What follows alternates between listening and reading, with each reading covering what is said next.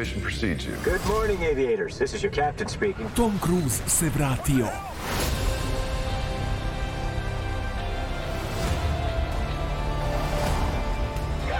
Top Gun Maverick u bioskopima od 25. maja. Ćao svima! Dobrodošli u Lab 76 199 i Dejan Deki Potkonjak se vratio. Liverpool je igrao sinoć, ali večeras pleše MotoGP you left me hanging. ne znam šta ste uradili, verovatno na tvosno tvoje reakcije bolje Nije da ne spominjem. uopšte. Ok, nije se desilo, ali, dami i gospodo, dobro nam došli. Uh, izvinite za kašnjenje, bukvalno je Jurnjeva bila, bio sam na Toxin Fox predavanju i malo se to sve nekako, uh, kako se to desi, malo odužilo, ali pozdrav za ekipu iz Toxin Fox, super su organizovali jedan događaj, pokušao sam da budem na svim mogućim mestima u isto vreme, malo Kosmos majice, tu inače ko ne zna, uh, na, po uzoru na James Webb, pa eto, shop.infinitylighthouse.com, Mazite se ljudi, pazite se i vozite i vodite računa jedni u drugima, ne znam gde mi je Vanja poslao, na koju kameru, na ovu kameru, tu su nam Milica Očigrija, Ivan Toškov, to je taj zaljubljeni par, tandem koji ne znam za koga navija u Moto Grand Prix, ali nema veze, saznaćemo, saznaćemo večeras i ko nam je još tu? Ko? Kako? Znamo tvoje ime Nemanja, nego za Nemanja za koga navija? Za Beštiju, opa, ozbiljna situacija ovde. Ali, za koga mi večeras navijamo ljudi, i ja vas molim za jedan, pošto sam zakasnio, evo, u to ime, za jedan kolektivni 1, 2, 3, 9 na 30, 30 kogode u Srbiji i jedan uh, fight back za Vukana. Znam da je kampanja u toku, akcija u toku da skupimo pare za dete. 1, 2, 3, 9, da ponovim 30, 30, ajmo, Lab 76ersi, dakle, Sixovci ili kako god, da pokušamo da pomognemo Vukanu da dođe do neophodnih sredstava njegova porodica, ne bi li mu pomoglo u bici. Pa eto, tu smo kada se bio bitki svi zajedno, pa ajmo da se držimo i zajedno pre nego što krenemo sa pričom onome što nam dolazi. Nadam se da ćete to uraditi s obzirom na činjenicu da eto, svako malo pomaže i tekako, tako da drži palčeve. U svakom slučaju, ljudi, izvinite još jednom za kašnjenje, ali to je ekipa, spremni smo za Lab 76 199. 99 će se onaj obični hashtag 99 pojaviti jednog dana. Biće to specijal posvećen Jorge Lorenzo, a ovo je moja voda. E, S nevidljivom rukom se pojavila u hollywoodskom maniru kod mene. E, Ne znate čija je to ruka, možete samo da pogađate jednom, ali 199 je 199, 200 se već desio, 201 će biti sledeće nedelje. Kada će se desiti 76, 4, 99 i 100, to su misterije univerzuma, ali ukoliko želite da saznate, kliknite subscribe na naš kanal i bit ćete obavešteni prvom prilikom kada se tako nešto desi. Umeđu vremenu, jedan lajkić nije loše, čisto za raspoloženje. I da ponovimo 1, 2, 3, 9 na 30, 30, a tokom večerašnje emisije ćemo se pripremiti za ono što nam donosi velika nagrada Francuske i Le Mans, naslov sve govori, Fabio Quartararo i to je Dekijeva, Deki me inspirisao, Quartararova zemlja, po uzoru na koga? Pa kada je već 1.99, Jorge Lorenzo mora biti spomenut, vozi poput Jorge Lorenzo u najboljim danima, jedini koji može da izvuče iz Yamahe ono što je gotovo nemoguće, to su pobede, druga mesta, plasmane pobednička postolja i kao da je Jorge Lorenzo lično stavio tu kacigu Fabio Quartarara odelo i krenuo u trkanje, Pa, kad je 1.99 da bude onda kvartararova zemlja, ili ti, velika nagrada Francuske, pozdrav ekipi koja putuje, dosta ljudi putuje u Le Mans ove godine, što je neobičajeno. Inače, kako idu? Lete do Pariza, rentakar i onda vožnjica na jugozapad se ide ka Le Mansu, a Vidoviti Deki je rekao nema kiše ove, ovog vikenda i za sada najavljuju da neće biti kiše. Deki, Ja bih voleo, ne znam baš da li sam vidovito, ovaj, Ali rekao platio sam. prognozu, ali stvarno bih voleo da, da konačno u Le Manu budu onako lepi vremenski uslovi, tri kao dana nekad. sunca, Da. kao nekada, a umeđu vremenu smo se navikli da će sigurno kiša padati, međutim trenutna prognoza kaže neće. No, ljudi, pred nama je nastavak šampionata sveta u motociklizmu.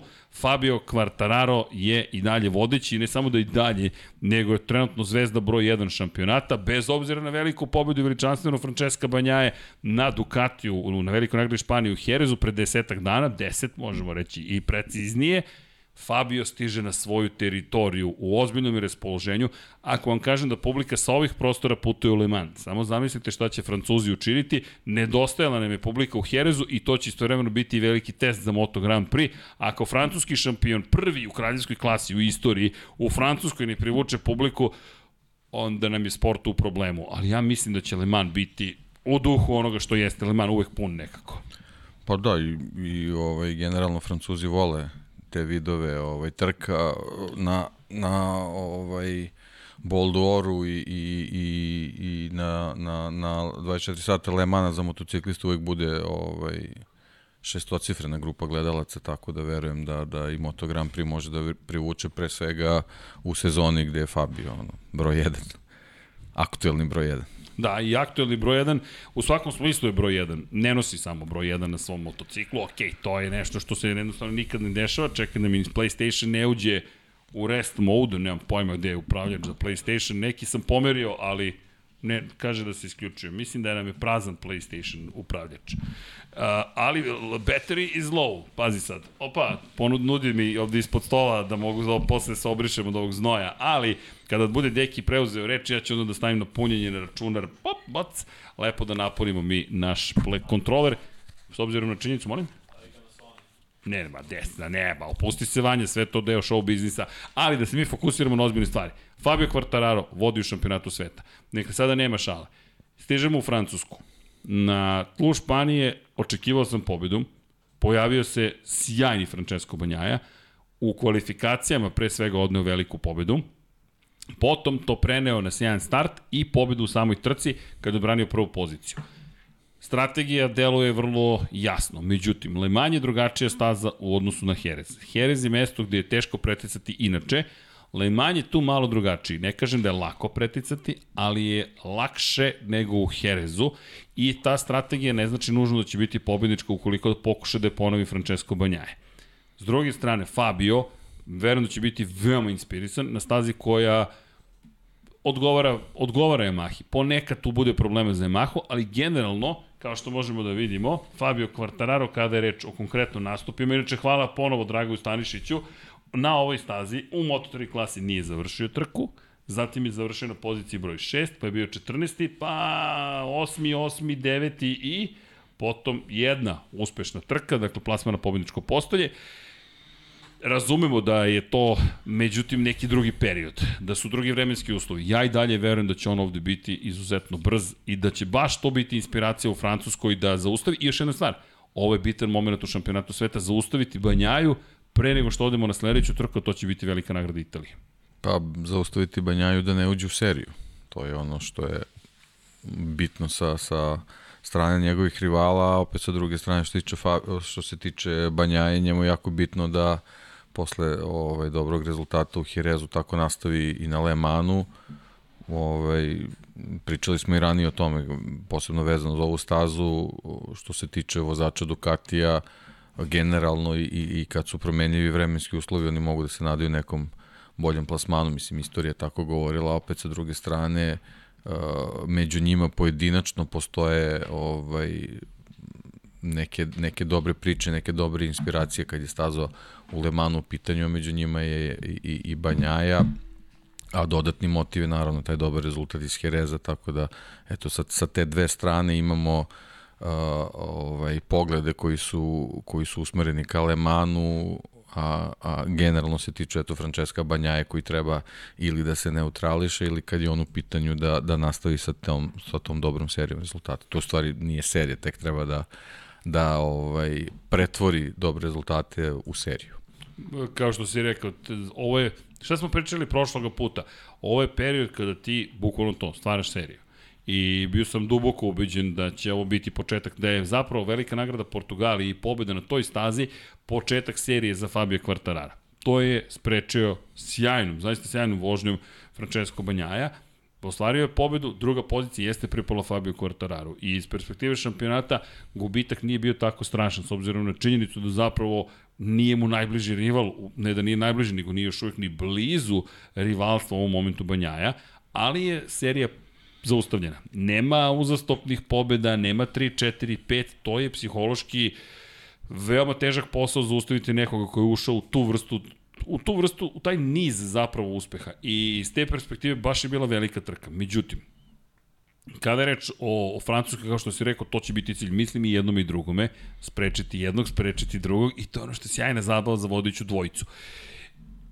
Pokrenut ćemo i pitanje nečega što je Matt Oakley pisao, ne znam da li ste ispratili, ali tu smo zato mi, a to je koncept ideje da zapravo je na nedozvoljenim gumama bio i da je već neko vreme pobednik prethodne trke Francesco Banjaje. Za one koji nisu isplatili, Matt Oaksley je rekao da ima takozvanu bombastičnu vest tokom ovoga vikenda to, i to je ispratio zaista nevjerovatnom informacijom, a to je da postoji takozvani džentlmenski sporazum između jedinog proizvođača guma u Moto Grand Prix, Michelina, francuskog, i određenih timova u prvenstvu da bez obzira što spuštaju pritisak prednje gume ispod minimalnog dozvoljenog nivoa će na to da zažmure i neće biti sankcija.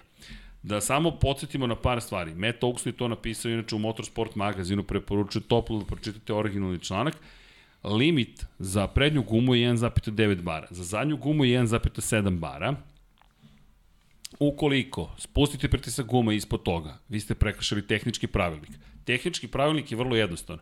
Svaki prekršaj je de facto diskvalifikacija. Iz te perspektive, Ducati, a i Peko Banjaja, koji su imali niži pritisak od dozvoljenog, su pobedili na motociklu koji zapravo tehnički nije ispravan. Postavlja se pitanje zašto i kako je to moguće. I iz te perspektive čekam odgovore tokom ove trke. Mislim da će to biti prilično velika stvar. Da, samo nisam baš najbolje razumeo ko treba da zažmuri, ko je ovaj...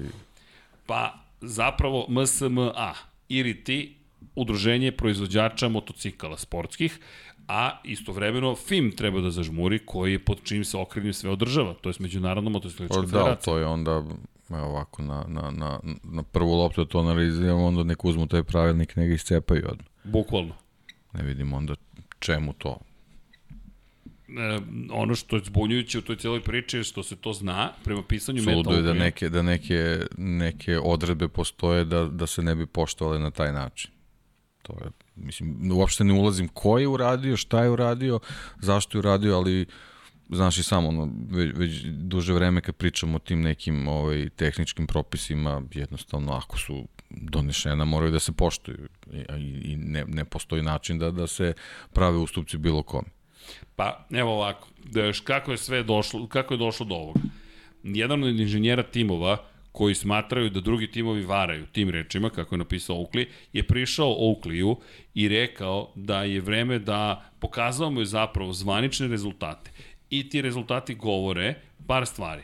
Jorge Martin je imao nedozvoljeni pritisak u gumama, dakle Jorge Martin koji vozi za Ducati, Francesco Banjaja takođe bi imao pritisak niži. Inače, četiri vozača se navode u toj celoj priči i pored njih dvojice, jedan je Andrea Doviciozo, kome su zadnje gume bile nedozvoljeno niskog pritiska i jedan od njih je Alex Rins za prednju gumu.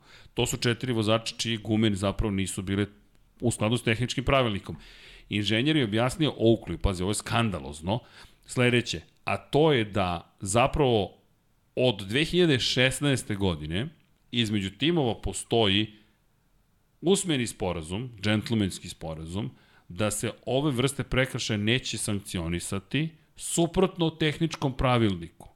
I da su vrlo nezadovoljni, nije naveo ekipu, tim statusom i da žele da se od sada poštuju pravila. Deki, meni je to frapantno. Zašto? Zamislite samo da li postoji još nešto što se ne poštuje zato što su se timovi pa, da. dogovorili da je u redu da se ne poštuje jer odgovara nam da se ne poštuje. Vidio, implikacije su pa ne, zastrašujuće. Ne, ne znam šta bih rekao, jednostavno potpuno je absurdno da...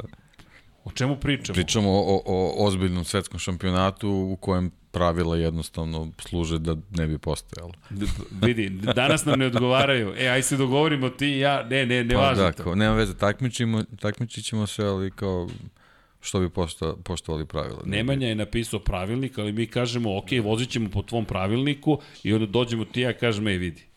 Ne odgovara mi to što je Nemanja napisao, ali meni, malo reduje. Pa da, li, čemu, čemu ne, ne znam, pravilnici? vidi, ja sam Da, frapiran, da. moram ti priznati. Nisam hteo od toga da krenemo, nego da krenemo ipak od ove bitke za Francusku, ali čim se Banjaja spomene, ova priča mora da se otvori. Jer, po svakom pravilniku, da li se ovo nekad desilo? Pa ne znamo. Sad, to, To, Vanja otvara... to nije, da, nije pitanje je prošle sezone, kutija. nego šest sezona unazad. to nije jedne trke, Da. nego govorimo o 2016. 17. 18. 19. Praktično 20. kad je Michelin u čitavoj 21.. priči. Tako je. Ovo je sedma sezona Michelinova. Znaš koje su sad implikacije? Ajde da se vratimo u vreme. Svaki šampion koji je osvojio titulu ili nije osvojio titulu neko, da li može da uzme sada sve te rezultate i da kaže, ok, ajde da diskvalifikujemo svakog koji je imao tehnički neispravan motocikl. Pa da vidimo kako izgleda šampionat. Jer jednostavno radi se o tome da je apsolutno u pravu svaki vozač koji nije znao za to, a takmičio se i upravo to što kažeš možda izgubio na neki način nešto. Apsolutno ima pravo da bude nezadovoljan tom pričom, zato što pravilnik Upravo postoji. tako. Pravilnik postoji i još nešto postoji. TAPS, takozvani, ili ti Tire Air Pressure Sensor, koji je uveden kada na velikoj nagradi Italije u Muđelu 2016. godine. I ti sada imaš senzor koji je u upotrebi de facto od prve trećine, na kraju prve trećine te sezone koju se Michelin vratio u šampionat, ti imaš senzor koji beleži pritisak i temperaturu guma u svakom krugu, sve to sačuvano, zavedeno, proverava Michelin posle svake trke, ali pošto su timovi rekli u redu je, onda dođemo do toga da nema veze. Pa da, čemu služi proveravanje? Pri čemu, slušaj sad ovo, evo ti još jedna stvar. Pritisak u banjajnoj prednjoj gumi je bio ispod dozvoljenog nivoa u svakom od 25 krugova trke. Kod Jorgea Martina u svakom od 24, to je ko je vozio od 25, pošto je inače sišao, sa, pao je s motora u prvom krugu i u tom krugu je zapravo jedino imao legalan pritisak u gumama. I ja ne znam šta bih sad rekao, zato što smo došli do toga da, da, da, se, da je sve obesmišljeno ovim informacijama. I rekao je Matt Oakley, rekao je, imam bombastičnu vest. Čekaš bombastičnu vest, iskreno sam mislio da je Matt Oakley, izvinjam se, zašto zovem Oakley danas? Nešto sam danas. ok, Matt Oakley, izvinjam se. Dakle, Matt Oakley je rekao, ljudi, imam bombshell, imam bombu vest. I ja sam pomislio Fabio Quartararo je potpisao za Hondu, jer to mi je jedino što može da bude bombastično. Ali koncept... Mark Marquez završava karijeru. Na primer. Ne znam. Nešto tog tipa. Da, da, da. Povlači se Honda. Da. ne, ne znam. Valentino neko Rossi menja Espeleto na čelu A, Dorne. o, a ja sam mislio da Valentino Rossi vozi mu djelo. Znaš, tako nešto. Pa dobro, da. da. To mi dosta to nije ljudi- bombastično, to se očekuje. to se očekuje.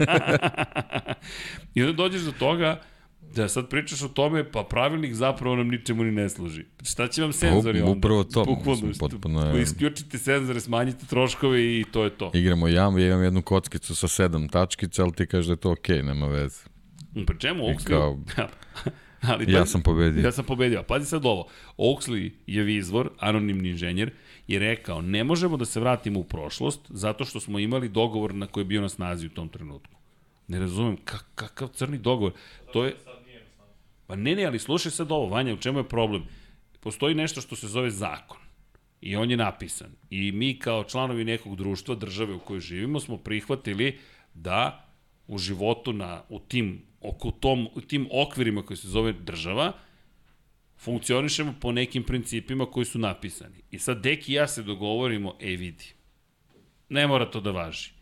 I sad, pošto smo se mi dogovorili, ustanovi se 10 godina, ka 6 godina kasnije da mi kršimo već 7 godina svaki mogući pravilnik, to je zakon, ali pošto smo mi ortaci koji su se dogovorili, onda nećemo da se vraćamo u prošlost da analiziramo naš dogovor. To je bukvalno na tom nivou. Ni- Ja se ne šalim. Možda se smem zato što je absurdna situacija, bizarna, groteskna, ali to je na tom nivou. Mi Pa ne, ali znaš da na kom ti je to nivou? Znači, ako Dorna misli da Suzuki treba da plati, plati ogromnu oštetu zašto što napusta šampionat pre vremena pre isteka ugovora, Suzuki može da kaže, pa da, ali vi ne poštujete ni druge pravilnike, zašto bismo mi poštovali ugovor koji smo Popularna međusobno siva zona. potpisali. Pa da, mislim, tako da ulaze zbog nekih, eto, banalnih stvari koje uopšte nisu male, mogu sad da se otvore nekih milijardu pandorinih kutija i to sve onda postane bez veze. I to u danu, eto, kad, kad Dorna saopštuje da se hvali da ima na društvenim mrežama 40 miliona pratilaca. Tako je, jer to je najveći podatak. Da. Inače, ono što je zanimljivo, nigde nema reakcije Dorne, niti MotoGP-a na ovu vest. Sutra. Sutra. Pa da, da. Oni su otprilike plus 24. Da. Znaš, ti sad, sad razmišljam, čekaj čoče, ovo je najvažnija vest koja se desila od kada je Michelin bukvalno ušao i ono što je sada pitanje jeste da li će biti dovoljno velik pritisak javnosti da neko u Dorni kaže čekajte ljudi, o čemu se ovde radi. Činjenica je da je Visor Down preuzeo vest je neki početak i sad vidjet ćemo ostali kako će reagovati, da li ćemo videti lobije na delu, jer kome da. smeta, kome ne smeta, ali ono što mene zanima sada je ko je imao nedozvoljeni pritisak u prethodnih 7 godina. Mene to sad živo zanima. Trku po trku. Da li je breaking news? To ti je bombshell breaking.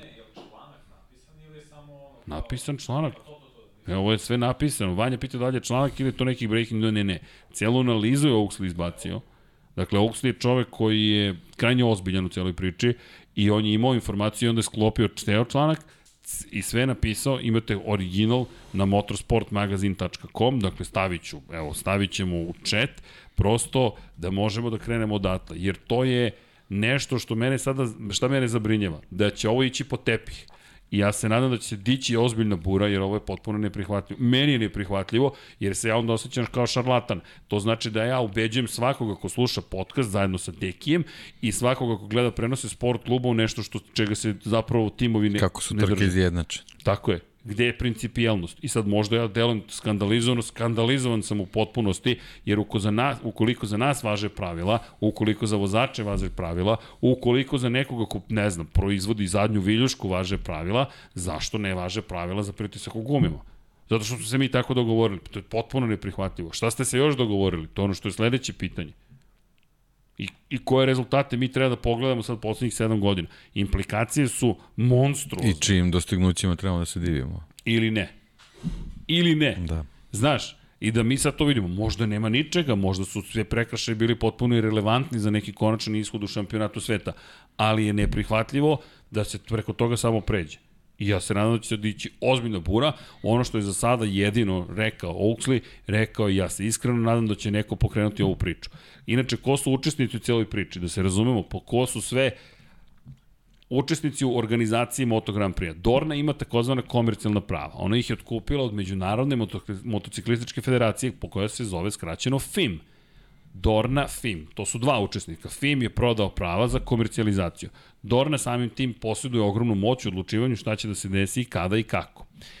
Pored toga, postoji MSMA. Šta je MSMA u celoj priči? MSMA je kompanija zapravo, to jest udruženje, nije kompanija, proizvođača sportskih motocikala. To je njihovo udruženje. Gde sedi ko? Šest proizvođača iz Moto Grand Prix-a. Oni sede za tim stolom i to su proizvođači. Zatim imamo IRTU, International Racing Team Associations. Ko sedi za tim stolom? Sede ljudi koji vode timove. Dakle, mi tu imamo ljude poput Lučija Čekinela, Lina Jarvisa i tako dalje. Dakle, nevažno je čiji motocikl ti koristiš, možete da imate dvojaku ulogu, da neko u MSMA predstavlja Yamahu i da u IRTI predstavlja fabrički tim Yamahi. To je četvrti činilac u celoj ovoj priči. Gde su se oni to dogovorili? Šta su se konstruktori to dogovorili? Da li to znači da sada ja ako kupim Ducatijeve motocikle, ja moram da prihvatim dogovor koji je Ducati napravio i koji još dogovor napravio? Ok, odgovara mi možda ili mi ne odgovara. Baš je zastrašujuća vest. I ne znam uopšte kako će se sve na kraju rasplesti. Ne obećava mi ovo što čujem, jer ništa ne čujem. I to je ono što je zastrašujuće. Ali nije prvi put Dorni da se dešava da tišina... Ne, poenta je samo što o, težina kazne koja je propisana za za ovaj neodgovarajuće poštovanje tih mera je diskvalifikacija, o tome se radi. Znači ne pričamo o nekim blagim kaznama pa da kažemo ajde možda, možda bi to moglo da se da se nekako amortizuje, nego jednostavno Apsolutno svi. To je, to je otprilike kao ono, skoro smo imali u Formuli 1, pa su se mnogi pitali kako to tako ide, pošto smo često onako kritikovali, ajde da, da tu i malo pohvalimo Formulu 1, Sebastian Vettel. I diskvalifikovan iz prostog razloga što na kraju trke iz njegovog bolida nije moglo da se izvuče litar goriva. 0,9. Nema veze, diskvalifikacija.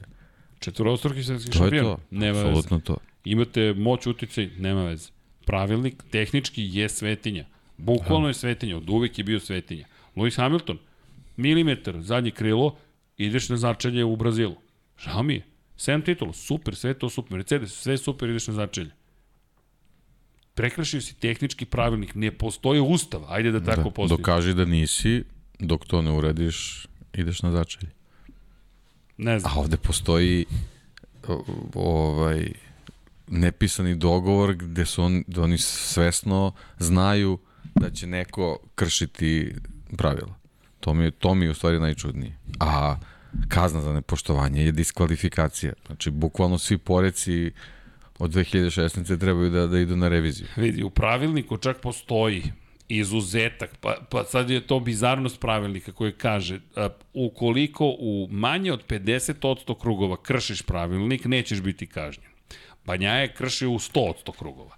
Dakle, čak ni u toj Pa da, ali situaciji. mi ne znamo 2016. u koliko Koje, koliko slučajeva je bilo preko, tako preko 50%. Potpuno bizarna situacija. I, I nepotrebno potpuno. I naravno o tome se neće pričati. I to je ono što je velika razlika. U NFL-u, na primjer, NFL.com ko prati. Čak i kada ljudi rade za ligu, kritike na račun lige, glavna vest. Bukvalno analitičari kritikuju ligu za loše poteze na njenom sajtu. Nema kao MotoGP.com, nema ovde kritika. Ovde se ovde samo izjave i to je to. Ne, ne, ne. Ljudi, nešto je urađeno pogrešno, to mora da se reši i sad ja se nadam iskreno da ćete se skandalizovati jer ovo je potpuno meni neprihvatljivo. Ali dobro. Morao sam ovo da ne ne ne. Da, dobro, ajde, hajde da sačekamo da vidimo u kojoj to sve meri bilo, ali ako se spominju ovi najzvežiji primjeri, onda je stvarno... Čekaj, ako je Banjaja u prekršaju da. i diskvalifikuješ ga iz Hereza, pobednik je Fabio Quartararo. Cela priča o povratku Banjaje ne postoji. Ne postoji. Da. Pri čemu, to je zanimljivo, i istakao je Oaksley u cijeloj priči, rekao je, ne, vozači to ne mogu da znaju. Vozač to ne može da zna, verujte, vozač ne proverava pritisak u gumama, to je poslednje čime će se baviti i on može samo da sedne i da vozi. I to razlika 0.1, 0.2 da bude. E, super se ponaša motocikl, super se ponaša prednja guma, šta god da se događa, ili zadnja guma, super. Pri čemu indikativno, šta, možda previše tumačim, ali Dovicioza ima zadnju gumu koja je ispod pritiska određenog, a Dovicioza se muči sa prijanjanjem zadnje gume i ima probleme sa zadnjom gumom. Kako to rešaš? Malo smanjiš pritisak, šta se događa? Širi se gazni sloj i možda imaš više prijanjanja. Ne znam, sad, to su sad zanimljivi momenti i, i. Ali eto, Žurka je počela i pre nego što smo stigli u Le Mans, ali možda i nije loše što je to Le Mans, ipak je to kultno mesto gde se dešavaju tako zanimljive stvari, pa da vidimo da li će istorija Le Mana biti dovoljno moćna da se kaže, ej, o, ajde da pričamo makar o ovome, ajde da počnemo makar Da, da, pa dobro, pričamo. da, kult nije mesto za neke druge automoto događaje, ali, činjenica. ali ok, ova Bugatti staza onako generalno vezana za, za Moto Grand Prix u, u, nekom, u nekom poslednjem periodu, tako da kažem ja stvarno ono, jedva čekam da vidim trku na stazi, stvarno bih volao da bude čitav vikend, da bude lepo vreme, da bismo mogli konačno dobijemo te neke prave parametri performanse vezano za ovu stazu. Inače, kada spominješ za one koji eventualno ne znaju, Bugatti staza je verzija staze koja se koristi u motociklizmu. U zavisnosti od toga koga pitate za broj krivina, daće vam drugačije informacije za neki od nas. Kako? Da li hoću polako, daj, daj, polako, čekaj da uđemo u celu priču, odvećemo mi celu stazu, ali činjenica je da staza zapravo u zavisnosti toga zaista koga pitate, ima različite zapravo brojeve krivina, to je jedna bizarnost ozbiljna. Svoje vremeno ih imala 11, vremenom je to poraslo, pa smo došli do toga da zapravo staza ima više neće, 14 krivina zvanično za Dornu i iz te perspektive kratka staza svakako, ista je dužina, ne, to, to se makar ne menja i zove se Bugatti s obzirom na činjenicu da, jel te, je to jedan oblik i jedno ime prepoznatljivo, možemo reći u svetu, ali činjenica je da ovo staza puna istorije i eto, pripremite se, inače dugačka je 4143 metra, veoma kratka staza, nema nekih visokih maksimalnih brzina, ali prolazak kroz prvu krivinu, da, Dunlop krivinu čuvenu, prilazak kad zapravo tim kroz drugu, pa onda dođu treća, četvrta, jedan od zahtevnijih u kalendaru. I tu zaista traži mnogo hrabrosti, DRS-a ovde nema, ali imate takozvanu zavetrinu i tu će biti vrlo zanimljivo za preticanje. Gde će još biti zanimljivo? Vrlo je teško preticati u petoj krivini, a pretiču se, zatim je dole kod muzeja teško, garaž ver takođe teško, ali nije nemoguće. I naravno čuvena završnica gde smo viđali zaista neke spektakularne momente, kultne trke. Zaista kultne trke, tako da eto, Le Mans zove svakako, kada pričamo o pobednici, kada pričamo o istorijatu i o tome da li postoji za nekoga staza kada je reč o motociklu kome odgovara, Jack Miller je pobedio prošle godine, Danilo Petrući je pobedio pretprošle godine, govorimo o dva Ducatija, pre toga dve Honda, to je isti čovek Mark Marquez na Hondama, pa Maverick Vinales, Jorge Lorenzo, Jorge Lorenzo, zašto se zove Deki taj Deki inspirisao naslov Kvartararova zemlja, Mark Marquez, Dani Pedrosa na Hondama, Jorge Lorenzo na Yamahi, Casey Stoner na Hondi, Jorge Lorenzo na Yamahi, Jorge Lorenzo na Yamahi i Valentino Rossi na Yamahi i onda dođe onaj poslednji Suzuki koji je slavio ovde, Chris Vermulen po kiši, kiša koja je prepoznatljiva, Ako obratite pažnju, primetit ćete da se jedno ime ponavlja neprekidno i to je ime Jorge Lorenza koji je najuspešniji u modernoj eri. Na veliko nagradi Francuski, inače svoje vremeno Giacomo Agostini bio najuspešniji sedam pobjeda, ali to je neko drugo vreme. U savremenom dobu Jorge Lorenzo na posebnom nivou i onda ta veza Fabio Quartararo, Jorge Lorenzo, rekao bih da nam daje za pravo da verujemo da ovo može biti Quartararo. Da, i ta veza Yamaha. Yamaha. Možda oni nešto znaju tu da otključaju, tako da ovaj, baš, baš jedva čekam da vidim taj prvi izlazak na stazu, da vidim kako će to da liči. Jer posebno ta priprema, meni će pre svega biti bitna priprema za kvalifikacije. Da. koje će ovoga puta za Fabije stvarno da budu mnogo bitne upravo zbog tog spleta krivina o kojem si pričao, jer ono, ovaj, bez obzira na, na, na konfiguracije staza, jednostavno vidimo da ove sezone, ne samo ove sezone, nego i ranije, za njega je stvarno ključno da, mora da izbije na, na, na čelo da bi mogao da, da diktira to, svoj tempo. Videli smo u, u, u Herezu šta znači kad, kad ne prođe taj plan, jednostavno ne postoji mogućnost da, da, da ovaj, u nekoj drugoj fazi uspe da, da ovaj, dođe do prve pozicije. Znači, veoma je, veoma je važno da, da uvodnim, uvodnim segmentima trke ovaj, može da, da krenu svoj, svoj ritam da bi, da bi mogao da izveze trku do kraja onako kako je planirao. Da, inače ono što je lepota, zaista svi jedva čekamo tu neizvesnost koju će trka doneti, jer bez obzira na činjenicu da je Kvartararo neko ko se izdvojio, evo uz Banjaju, bez obzira na pritisak u gumama, da računamo negde na da, Banjaju. Zanemarimo da zanemarimo to sad u ovom trenutku. U ovom da. trenutku. Banjaju negde očekujemo i onda dojte, možda će se neko iz Honda najzad pojaviti. Inače, pojavila se priča da je Pola Espargaro definitivno čovek koga čeka otkaz u, to je ne otkaz, ne produženje ugovora u Repsol Hondi.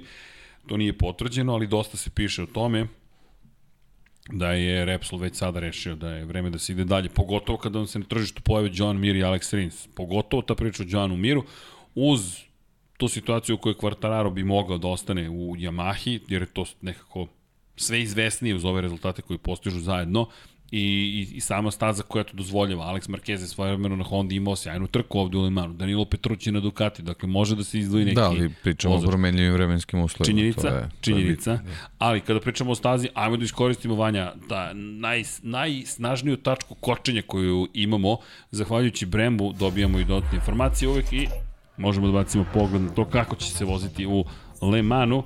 Francuska 14 krivina, rekao ti 14 krivina, pa nema, već na pamet sve znamo, 35% krugova se inače provodi na kočenju, ili ti 32 sekunde, i ono što imamo 1350, 351 metar se koči. Kao što možete vidjeti, vrlo je zahtevna za kočnice, najsnažnija tačka kočenja je krivina broj 9, i bukvalno ovo će biti jedan od onih testova kočenih sistema, 301 km na čas je inicijalna brzina, maksimalno opterećenje 5,7 kPa de facto, 12,2 bara je snaga kočenja, zaostavni put 231 metar, zaostavno vreme 4,5 sekundi i maksimalno negativno ubrzanje 1,5 sila zemljine teže. Dakle, možete vidjeti i ovde razlike, delta vreme takozvano, to je za koliko je razlika između najviše i najniže brzine 196 km na čas, ali staza koja je poznata inače kao takozvana stani kreni staza. Iz te perspektive Ducati bi tu uvek trebalo da se pojavi. Za Honda ovu novu ne znamo. Ovo će biti lep test. Kada pričamo inače o vremenskim uslovima, Le Mans za sada, evo provjerit ću još jednom, je staza koja bi trebalo da bude bez padavina. Mada, mada, pazi sad ovo, deki.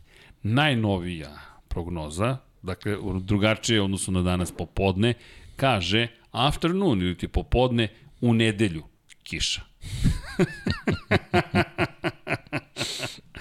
jer to je jer to je Le Mans. jer zašto bi bilo drugačije ako ne moram? Neverovatno, ali dobro. ne znam da li da pričamo više išta. da li da najavljujemo bilo kakvu situaciju, ali dobro. De facto moramo, ali činjenica je da imamo situaciju u kojoj se uvek nalazimo kada odemo u Le Mans. Ljudi, ovo je nemoguće za prognozu vremena. Ko je pratio 24... Ne, posebno ovaj period godine. Ej, sred da. maja. Ma jun. Pa, jun. Upravo to što se spomenuo Le Mans. Krenuo sam da spominjem. 24 sata. krenuo sam da spominjem. Ali kako izgleda 24 časa Le Mans? Bukvalno okrenete sva četiri godišnje doba. I to je standard. To je jednostavno praksa. Inače, u šampionatu sveta iako smo krenuli od Francesca Banjaje, fabričkog vozača Ducati, kao najvećeg izazivača Fabio Quartararo koji je vodeći, Banjaja je petoplasirani, 33 poena iza Fabio Quartarara, koji je na poziciji broj 2, Aleš Espargaro na aprili. I sad, počinje neki novi period. Ja moram da, kada pogledam tabelu, posle šest trka, vrlo ozbiljno počnemo da pričamo o Alešu Espargaru kao nekome ko može već da razmišlja o tome da li bi i kako mogao da dođe do titula šampiona sveta. 7 pojena posle 6 trka je sjajno. U poslednje dve trke, dva treća mesta. Jedini ko je pratio na pobjedničko postolje Fabio Quartararo u te dve trke, kada imao pobedu u drugom mestu Quartararo, je Aleš Espargaro na aprili. Obrnio kreni, Aleš Espargaro je tu, a to je treći plasman na pobjedničkog postolja ove godine, uključujući onu pobedu u Argentini.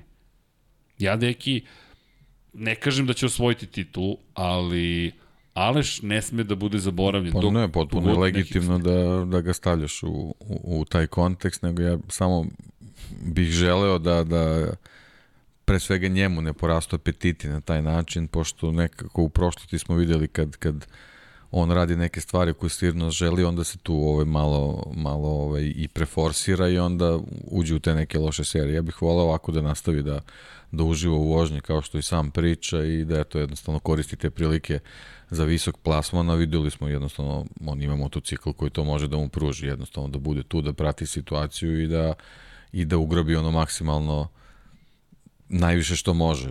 Zašto da ne i pobede? Mislim, ako se, ako se neke karte slože i otvore, možda i to dostupno. Samo kažem, bitno je da, da, da ne krene sa, sa, sa prevelikim apetitima koji će uneti neku nepotrebnu nervozu koja zaista njima u ovom trenutku nije potrebno. Niko od njih ne očekuje da, da urade nešto spektakularno u smislu šampionske titule, ali jednostavno samo je bitno da budu tu i da, da svoje performanse koriste, da u svakoj prilici mogu da izvuku maksimum.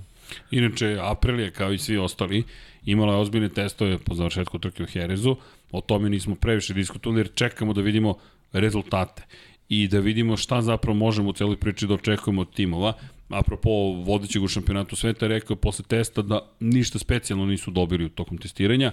Dakle, Yamaha nema neki sad odjednom veliki korak. Testirana je zadnja viljuška nova, testiran je zapravo novi prednji blatobran, ali suštinski rekao... Pa meni nekog rekao... deluju da su svi ti testovi stvari bili samo deo nekih priprema za neke setupove u budućnosti, da, da, da mogu da, da prošire spisak elemenata koje mogu da koriste u određenim situacijama. Nije mi delovalo da je bilo ko od njih testirao neki novi element koji je doneo nekom procentu povećanje snage ili, ili ne znam šta, jednostavno to su samo neki elementi koji će u budućnosti biti u, na toj nekoj listi ili neće uh, kada se rade ove pripreme za, za, za određene staze. Da, inače, apropo... U stvari, verovatno do nekog sledećeg testa. Znači, pa, taj, taj džep se verovatno sad popunjava. Ono što je zanimljivo, koliki je fokus zapravo ne toliko za Le Mans, koliko za Mugello i Barcelona. Upravo to. To je ono što si upravo i rekao to, da. upravo. Da. Zašto Mugello i Barcelona? Zato što su to staze na kojima imate taj jedan dugački pravac gde 1 ili 2 km na čas znači. Inače, šta je svrha promene prednjeg blatobrana? Blatobran kao blatobran. Pa, aerodinamički deo je u pitanju.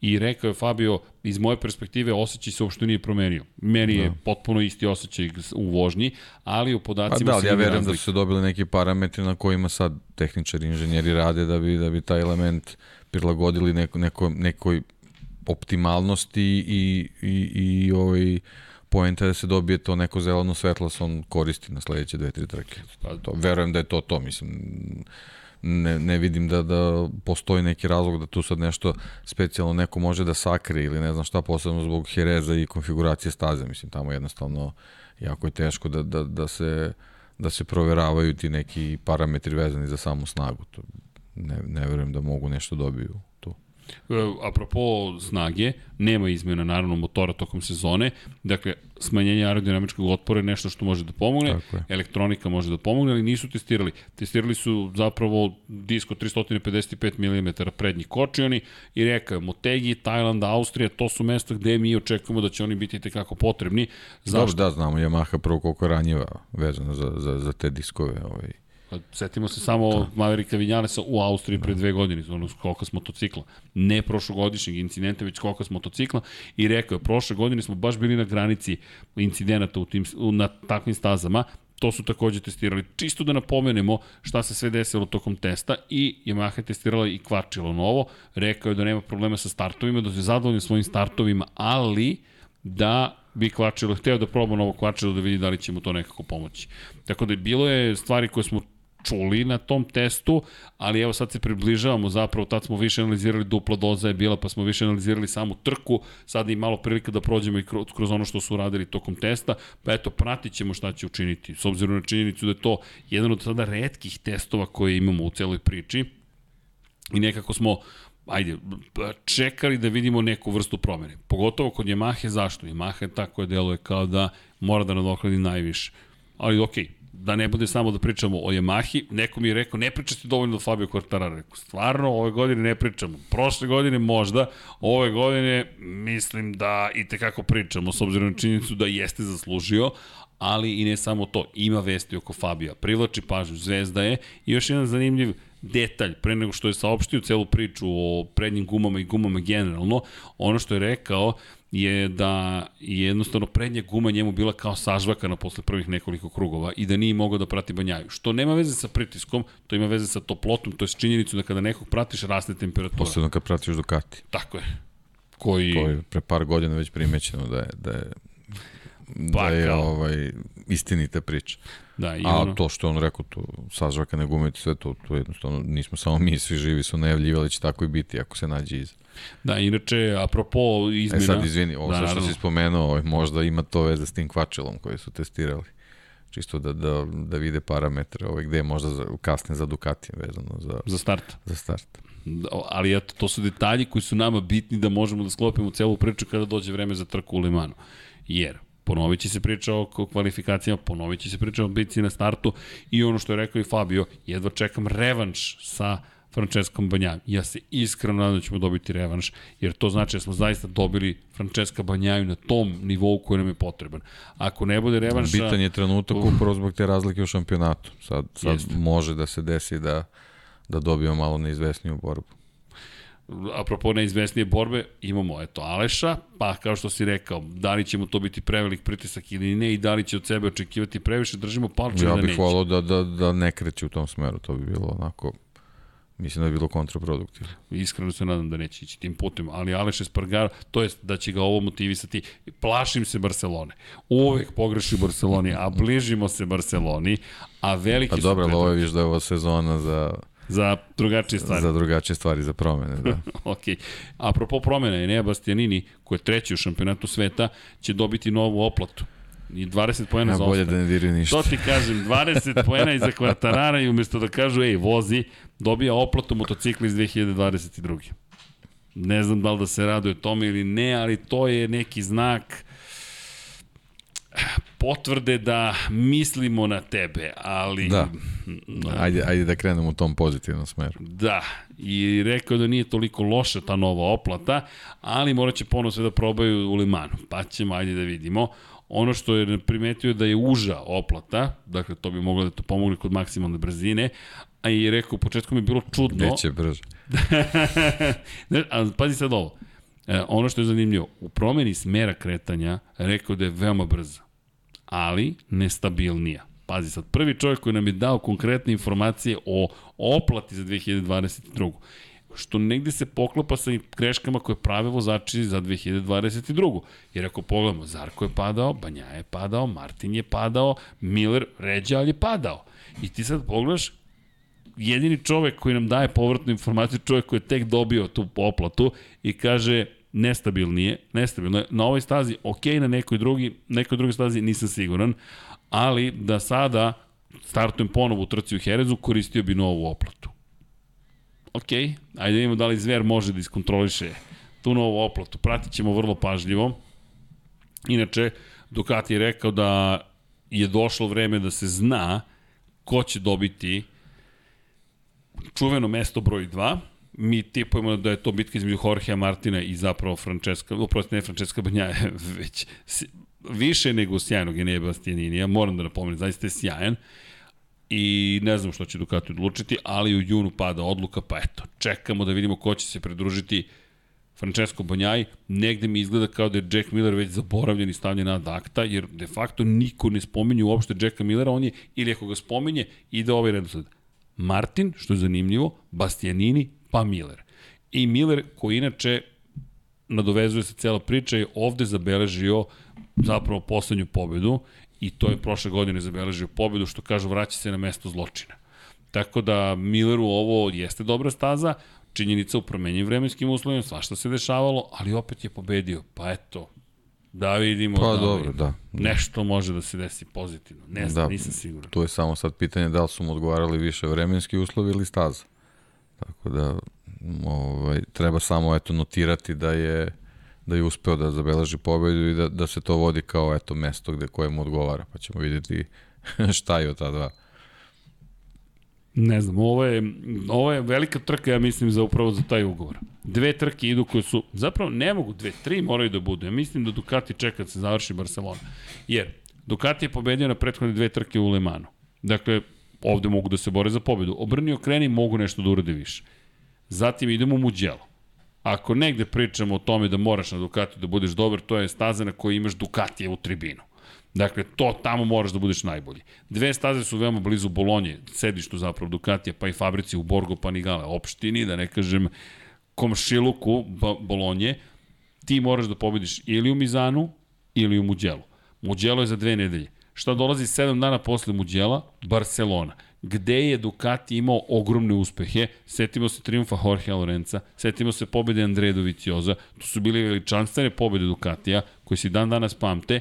Dakle, tri trke u kojima ti, ako si vozač Ducatija i želiš fabrički ugovor da sačuvaš ili dobiješ, mislim da su to te, te tri trke. I mislim da Ducati zapravo čeka upravo da se završi Barcelona, jer posle Barcelone je drugačija situacija. Ok, doći će i Asen, ali između Asena i Katalonije imaš Saxonring. Na Sachsenringu, Sachsenringu ne znam šta možeš da očekuješ od Ducatija. Pa nije više priče o Ducatiju nego koliko tome O, to da, od čije je to staza. okej. Pa da, to je ono, naš više ne zavisi toliko od Ne, njih. kako si se tako slatko nasmejao. Pa, znamo ko pokušam će kao- pobediti. ne, znamo ko će pobediti, samo ne znamo ko će biti drugi ili treći. Da. Za one koji ne znaju, pobedit će Mark Marquez. To odmah upišite. Na ovim ostalim stazama biće problema. Teško da će moći da se bori za pobede, ali u Nemačkoj u krugu koji ide u levo i levo i levo i levo. Bokolo kada su napravili, ne znam, Indi, Indianapolis i samo ide u levo, ima par tih kretanja, skretanja u desno. Mark Marquez, to je njegova staza. Možda na Koti, posle greške na startu, je problema kvara na startu, to je ajde kažemo, gremlina, nije mogao da pobeda, ali opet je pokazao da je to apsolutno njegova to staza. to, da. Ma da, ma ne. Po tom pitanju, ja očekujem da će Mark Marquez biti prosto uvek na tom nivou. E sad, što se tiče Marka Marqueza, kad već otvorih tu priču, ako ostane bez Pola Espargara, dođe Joan Mir. Inače, Joan Mir koji je rekao da je šokiran, šokiran bukvalno informacijom da se Suzuki povlači iz, cijele, iz šampionata. I mi smo šokirani. Ne znamo čime smo više šokirani. Činjenicom da možeš da kršiš tehnički pravilnik ili činjenicom da je Suzuki rekao odosmo mi odavde. Zaista ne znam šta je šokantnije, no kako god da pogledate, jeste ogrom, stravičan šok. Ono što je zanimljivo, Kit Hueven je rekao, to mi je zanimljivo, čovjek koji inače jedan od cenjenijih ljudi u Moto Grand Prix-u i mi svi delimo negde mišljenje. Suzuki je potpisao ugovor da će do kraja 2025. biti u šampionatu.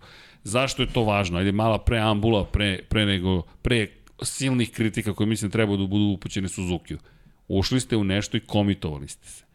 Svi vaši rivali, svi stakeholderi, šta su stakeholderi? To nisu vlasnici nečega, ali ljudi čiji je interes u tome čime se bavite, su vam verovali na reč da ćete tu biti do 2025.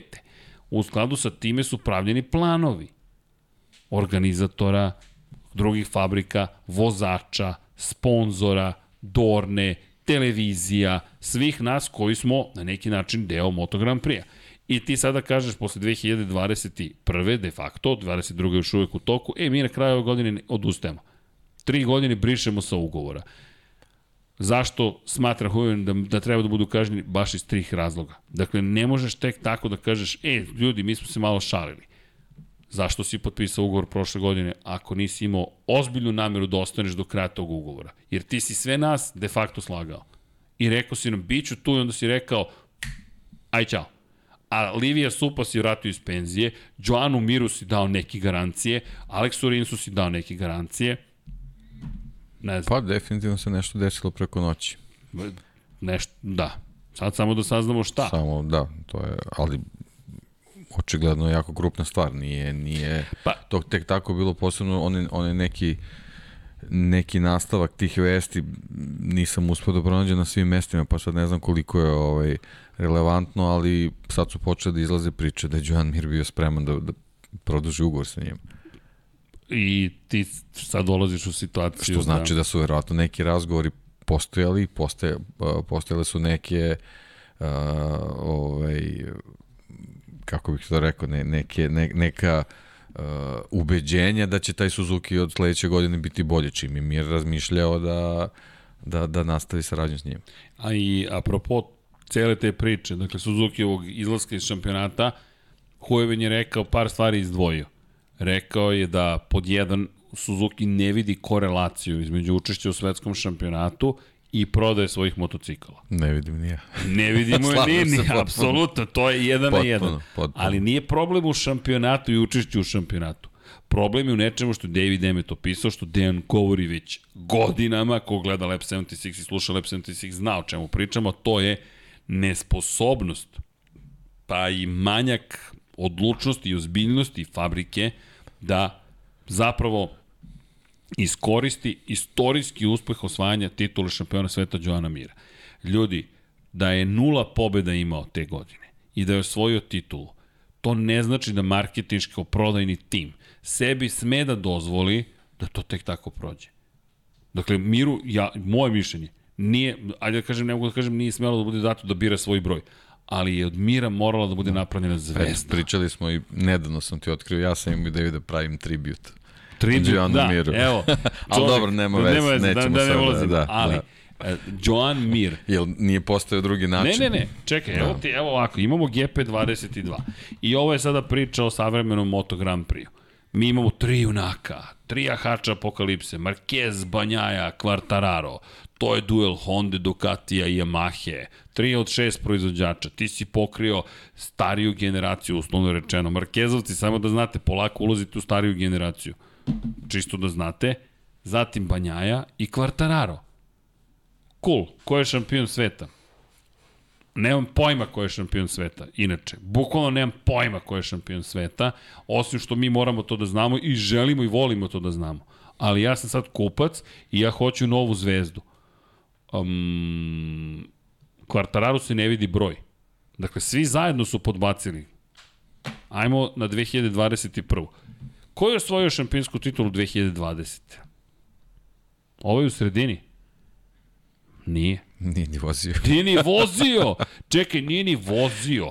I ti staviš u, u centar pažnje nekoga ko možda jeste najveća zvezda u tom momentu. A ne može on da bude u centru pažnje, nije osvojio šampionsku titulu. Mora da bude Joan Mir. Suzuki se jedva nazire kao neki usputni vozač ovde u celoj priči. Ko je tu pogrešio? Marketiški tim. Petronas, sram ih bilo, iskreno.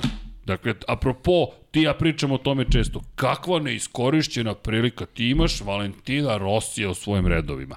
U njegovoj oproštajnoj sezoni. U poslednjoj godini legende koja se takmiči I ti imaš od svega baby kačket na prodaju, postera tačno nula, igračaka još manje, priča o njemu još manje, patkicu nemaš. Morali smo sami da Morali pravimo. smo sami da pravimo suvenir. Nemaš ništa. Šta kao, na začelju je? Pa znate šta bismo mi napravili od tog začelja? Pa svaka trka bi bila. Ej, Vale, kako poslednji put dolaziš ovde, ajmo da idemo u tvoj omiljeni restoran da te snimimo, gde si jeo tokom prethodnih 25 godina, kako si provodio vreme, koja te uspomena veže za ovu stazu? Nikom ništa. Nikom bukvalno ništa. Suzuki, jesmo imali jedan pravi dramatični film od šampionskoj tituli Johna Mira? Ništa. Nikom ništa. Trka, prenos u Herezu. U svo dužno poštovanje bitci za četvrto mesto. Aleš Espargaro niko nije video kad je prošao liniju cilja. Dornin snimatelji na Marku Markezu. Halo, imate čoveka koji ispisuje istoriju. Ne. Jednostavno, šta ne umeju da urade? Navikli su da imaju Valentina Rosija, navikli su da imaju Marka njegov Markeza. marketinški tim. I njegov marketinški tim. I to je to. Ko će da sredi? Pa to će Rossi da sredi. Ko će sredi Učio. Marquez će da učio će da učio će da Hoće da učio sredi će da sve, sredi. da. I onda Da. Suzuki ne nalazi korelaciju između Grand Prix trkanja i prodaje motocikala. Pa jeste nas ubedili da treba da poželimo Suzuki najnoviji Joana Mira. Čuj, sad je to na Wikipediji obrisano, ali ranije je marketing opisivan kao proces ubeđivanja potencijalnog potrošača u kvalitet i proizvod i kupovinu tog istog proizvoda. Zašto bih ja to kupio? Zašto bih ja to kupio, osim ukoliko baš nisam upoznat sa Moto Grand Prix? I tu je, tu je zapravo najveći, najveća greška. I zato nema korelacije. Pa ne stvara se korelacija sama. Neko je stvorio, ali deki mislim da si ti opisao najbolju stvar koju sam ja potpuno prenebrigao. Ne, ne, Valentino Rossi je autopromocija. On je čovek shvatio, ne, ja moram sve ovo da radim. Od ovih ljudi okolo nema ništa. Bukvalno, ceo moj tim će da radi. Ko proizvodi majice i kačkete za ceo šampionat?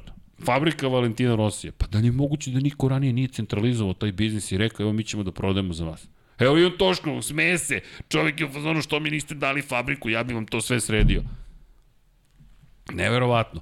I to je hubris po me, mom mišljenju. Vraćam se na tu reč koju sam zloupotrebljavao u aprilu. Arogancija. Ma, ovo će samo da radi. Samo će da radi. Mm, napeto. Moraš malo da se pozabaviš time što imaš. I to nemoj da svedeš na proizvod. Pozabavi Pa se ne, time. ar- arogancija je dovela do toga, ako ćemo tako da koristimo ovaj, taj izraz, uh, da sad sve više tekstova, sve više komentara idu ka tome da li u stvari nama treba ovat- ovakav Moto Grand Prix, gde je sve izjednačeno. D- Pazi, Ili, ili nam trebaju zvezde. pazi ironiju. Da. Znaš, mi smo došli do toga da oduševljenje time Znaš, što ja ne kad znaš dođem na tribinu, pobediti. pa ne mogu da nosim sve zastave. Sedam da se- zastava. Znači, moram da se opredelim za nekoga. Tako je, A rivalstvo. kako ćeš da me navedeš da se opredelim za nekoga? Trenutno nikako. Trenutno me ne navodiš. a, pričamo iz ugla Dorne. Dorna, Dorna. Sedi, sedi, seli su na sastanak i sad kažu kako ćemo da pronađemo zvezde našeg šampionata. Ja mislim da oni ne znaju, njima se desio Valentino Rossi, da. to je to. Oni ne znaju šta dalje da rade. Znači imali bi, imali bi Oni? Dorni Špani, da. Da se ugledaju. A ne, nije to pitanje nacije, to ti je pitanje Pa ne, kompanije. pojenta što bi oni ovde sad verovatno sve prepustili Fabio Quartararu da njegov Da, oni marketinški bi tim nešto prepustili radi. Fabio Quartararo. Ali Aj, Fabio, Ko- ti napravi Fabio zvezdu iz od neke sebe, ako možeš. druge, iz neke druge generacije, iz neke druge priče ne. i još je generalno mlad da bi, da bi na taj način mogao nešto da uredi. Da, i inače Hueven još navodi pored toga rat u Ukrajini, koji naravno da je potresna rat, ljudi, svaki rat je potresan gde god da se odvija. Mi dođemo u situaciju, ok, vi sada odlazite tek tako, a nešto... A da li odlazi ekipa sportu- koja ima dva motocikla dva na gridu? motocikla. Čekaj, i, i, i pored Pre bi, toga... ako, ako je priča o ratu u Ukrajini, pre Ducati treba da kaže čekaj, moramo da imam- redukujemo malo. Tako je. Oni- Ako, ako tako ako pričamo, tako. Mislim, ako tu pričamo i o, i o srazmernim veličinama Osam fabrika, motocikla. nije, e, Suzuki jeste manji od svih ali nije baš toliko mali. Nije, a, znam, ali nije Tako da ta, kikiriki. ta priča, ne, mislim, E, Suzuki proizvodi ozbiljne motocikle. Mislim da govorimo o nečemu što je Naravno. potpuno izlišno ma pričati ne, o tome da, Suzuki ozbiljne motocikle. potpuno da ne trošimo reći na taj način. Suludo je. Da. Suludo je. I izašli smo. Ok, ja mislim da je propuštena zlatna prilika. I mislim da i dalje ne znaju šta treba da urade. Inače, Hueven je, ne zamerite, nazvao, rekao imali smo Brexit, sad imamo Sexit, pošto je ovo Suzuki-ev exit, pa je sve to na seks. Ko, kao i moj lapsus iz prenosa. Da, ali ovaj, ovaj, ovo povlačenje. Suzukija prilično liči na odluku Honda da krene da izlazi iz Formule 1 u trenutku kad dobiju šampionski bolid. Da, ali To je vrlo slično. To ono, se- isto sam pre nekog vremena, pa dobro, Zadržali. logično je da, da, da moraju malo da se trgnu, ali pre nekog vremena smo pričali, ovo, jednostavno to su neke japanske filozofije poslovanja koje onako baš su ovaj, iz nekog drugog univerzuma. Da, nam, nama iz strane. ovog- ne, iz ovog toga, da. ne, definitivno nisu. Ali eto, inače Alex Rins, čisto da nadovežem se na priču, čovjek je četvrti u šampionatu sveta, ima 20 pojena samo malje od kvartarara. I to posle katastrofalne trke u Herezu gde nije osvojio niti jedan jedini poen, prvi kiks ove godine. Ali on je dalje u igri. On je dalje u igri. Neka kiksne jednom kvartararu, bude peti, na primjer, Rins neka bude drugi, evo ne mora ni da pobedi, Rins je i dalje u igri za titulu šampiona sveta. I mir i dalje i I isto, Mirko je 6 i 33 poeni za kvartarara. Inače, sa padom koji je prouzrokovao je Jack Miller. proizvod Jack Miller. Inače, izjednačen je u poen sa Franceskom Banjajem. Ako pričamo o tome ko bi mogao da osvoji titul. Inače, trenutno se pojavio novi trend u padoku. Masovno ljudi počinju da navijaju za Joana Mira i Aleksa Rinsa da osvoje titulu, jer bi to bio vrhunac uh, maksimalne ironije da Suzuki vozač osvoji titulu, Suzuki Nešto kao Honda. Nešto. Apropo, ti situaciju. Ne, ne, čudna, čudna godina svakako za Moto Grand Prix. Zaista bizarna jedna godina. Ovi krše pravila, ovi nemaju... ne Dobro, da- možda im je to i trebalo malo da ih razmrde. Možda, ko zna. Možda je to zaista bilo Mnogo je potrebno. mira, mnogo je No, stabilnosti. mogu Rinsa. Ja, ne znam ko je to smislio, ali svaka čast na, na, na, na impresivnu sloganu. Da, i eto, to naveo, nekako priča se sama plete. Rins, Bastianini izjednačeni u poen. Banjaja Mir izjednačeni u poen. I Joan Zarko da dođe na sedmoj poziciji, Francuz na svom mestu. Hoće li više neki taj salto u Na nazad? svom mestu i na mestu gde znao da bude dobar. I, I na Ducatiju je koji dobro ide. Samo da vrati kacigu, ono, svoju japansku staru. Jel misliš da je to to ratnička, da ratnička mora, Ove su neke kaciga? mnogo onako mainstream. Nešto. Dobro je politički korektna Da, da, kaciga. da, Da, da. Mislim da mu je neko zamerio što nosi ratničku zastavu Japana. Frapiram. Deki, zameram ti što si stavio Aerosmith. A znaš da idem na Iron Maiden 24. si dosta je besmislica. Znaš da svako možeš nešto da zameriš. Inače, ne znam da li ti je Vanja ovo namerno stavio Suzuki iza, iza tamo u pozadinu ili ne, ali, ali dobro, to je.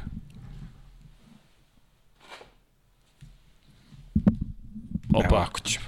može. Eto. E, ali može, mogu još jedna molba. Kačket koji sprati ispod. E, to je jedini suvenir koji smo na kraju našli. Ovo je Baby kačket Petronas 46, zato što smo hteli da imamo istorijski nešto iz poslednje sezone Valentina Rosija. Ovo ni Milica ne može da stavi na glavu, dakle, ljudi koja je najovde delikatnija, a, i, ali... Samo da vidim šta kaže veličina. One, si- one size fits all nije sigurno. Ne. Ovo je na tu Ne, paštu nema, centralno da, znanje. nema, nema, nema, kids. da. Da, Ali je imamo, čuvamo istoriju. Čuvamo istoriju. I Zarko, ajmo deki, ja, ja, ja nema, nemam, ne mogu da navijam ni za koga, ali ja bih tako volio da se najzad desi da Jean Zarko pobedi u Moto Grand Prix. Pa čak neka to bude jedina njegova pobeda u karijeri u Moto Grand Prix klasi, to bi bilo toliko romantično. Mislim da bi nam svima to bilo potrebno. Da vidimo Zarka kako najzad to čini. Pa dobro, mislim, može da se uklopi ta priča, te neke kockice, posebno zbog te ove, situacije sa Ducatijom koju se spomenuo, gde, gde vozači na, na tim motociklima mogu da ovaj, da, da, da ostvare neku razliku odnosu na ostale, što u, da kažemo, regularnim vremenskim uslovima, što kad je staza vlažna, a opet sa druge strane Zarko i sva ta silna motivacija vezana za Francusku, Le Mans, rezultate kvartarari i tako dalje, tako dalje, mogu da dovede do, do, do tog salta konačno, ovaj, tako da i kad bismo pričali možda o nekim ono, favoritima za trku, ja bih bez problema i, i njega tu uvrstio i, i, i ne bi se ni začudio da ga neko drugi stavi na, na poziciju da, da je favorit za pobedu čak. Misliš da je čak favorit Pa, za pobedu? znaš kako, mašina koju, Okej. koju vozi, što, zašto Što da ne, ne, ne, zašto da ne, voleo bih, evo, rekao sam pet puta, voleo bih, zaista bi bilo fenomenalno. Sećaš se okej. i prošle godine sa, sa, sa nekako čudnim vremenskim uslovima da je i ovaj m, Petrući na, na KTM-u imao prilike da, da uradi mnogo toga. Tako da, očigledno kad se poklope neke kockice, ovaj, neki vozači koji u nekom trenutku možda nisu na svom maksimumu, mogu da iskoče. Ovo sad, više tih parametara mogu da idu za Arku u korist. Postoje verovatno i neki koji, ni, koji su ono minusi, ali u ovom trenutku možda imaju više pluseva, šta znam. Zašto da ne? Mi, vidi, bilo bi lepo, Pa, moram da ti da ne? priznam, to bi bilo Znaš kako i ova sezona je krenula sa, sa mnogo pobednika u mi imamo samo jednog dvostrukog, je li tako? Do sada. Da, Kvartarara. Ili Ja, Bastianini. Bastianini, Bastianini, izvini, Kvartarara, slušaj mene. Ovaj, tako da, zašto da ne? Kažem, više tih elemenata mogu da vode ka tome da i Zarko konačno bude taj. A, a znaš kako ide? Kad se otprilike najmanje očekuje neko iskoči. Tako da, Pa dobro, iz te perspektive, Bastianini pobedio, Aleš Espargaro pobedio, Miguel Oliveira pobedio, nevjerojatno istinito, Fabio Quartararo pobedio i Francesco Banjaja pobedio. Pet pobednika imamo u prvih šest trka. To- je, a, I sad ironija, moram da se dotaknem te teme. Da se pojavila teorija, nije dobro što njih mnogo pobeđuje. Ajmo ovako. Pa Zamislite- jednostavno teško je ljudima koji možda toliko ne prate Moto Grand Prix da se opredele za Ne, ne, nekog. slažem To je se. point. Ali, mislim da nedostaje jedna vrlo ozbiljna promenjiva u cel, celoj toj jednačini. Ajmo hipotetički da zamislimo.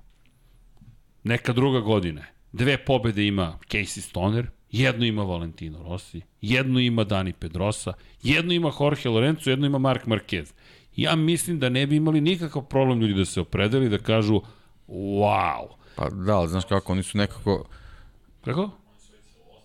To, to sam htio da kažem, oni su već bili nekako vozači koji su stigli sa ozbiljnim reputacijama Jesu. u toj priči. Mi nemamo takve A vozače. ovde da, ovde, eto Znaš. kažem, Joan Mir osvoji titulu i, to. i sramota ga je stavi broj 1 na motocikl. I nikoga ne Fabio hvali. Quartararo na kraju krajeva ga, Neće da sramota, stavi, ga, je sramota ga da stavi broj da stavi 1. broj 1. Jo, A još je Kvartararo zvezda. A sećaš se priče za, za Lorenzo, kad je stavio broj 1.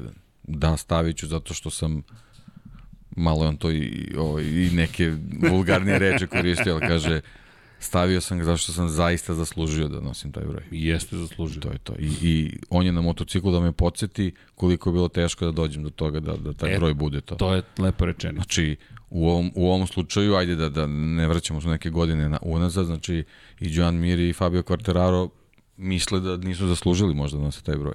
Ne, Kvartararo to je eksplicitno rekao. Smo rekao, smatram da ne zaslužujem da nosim ovaj broj.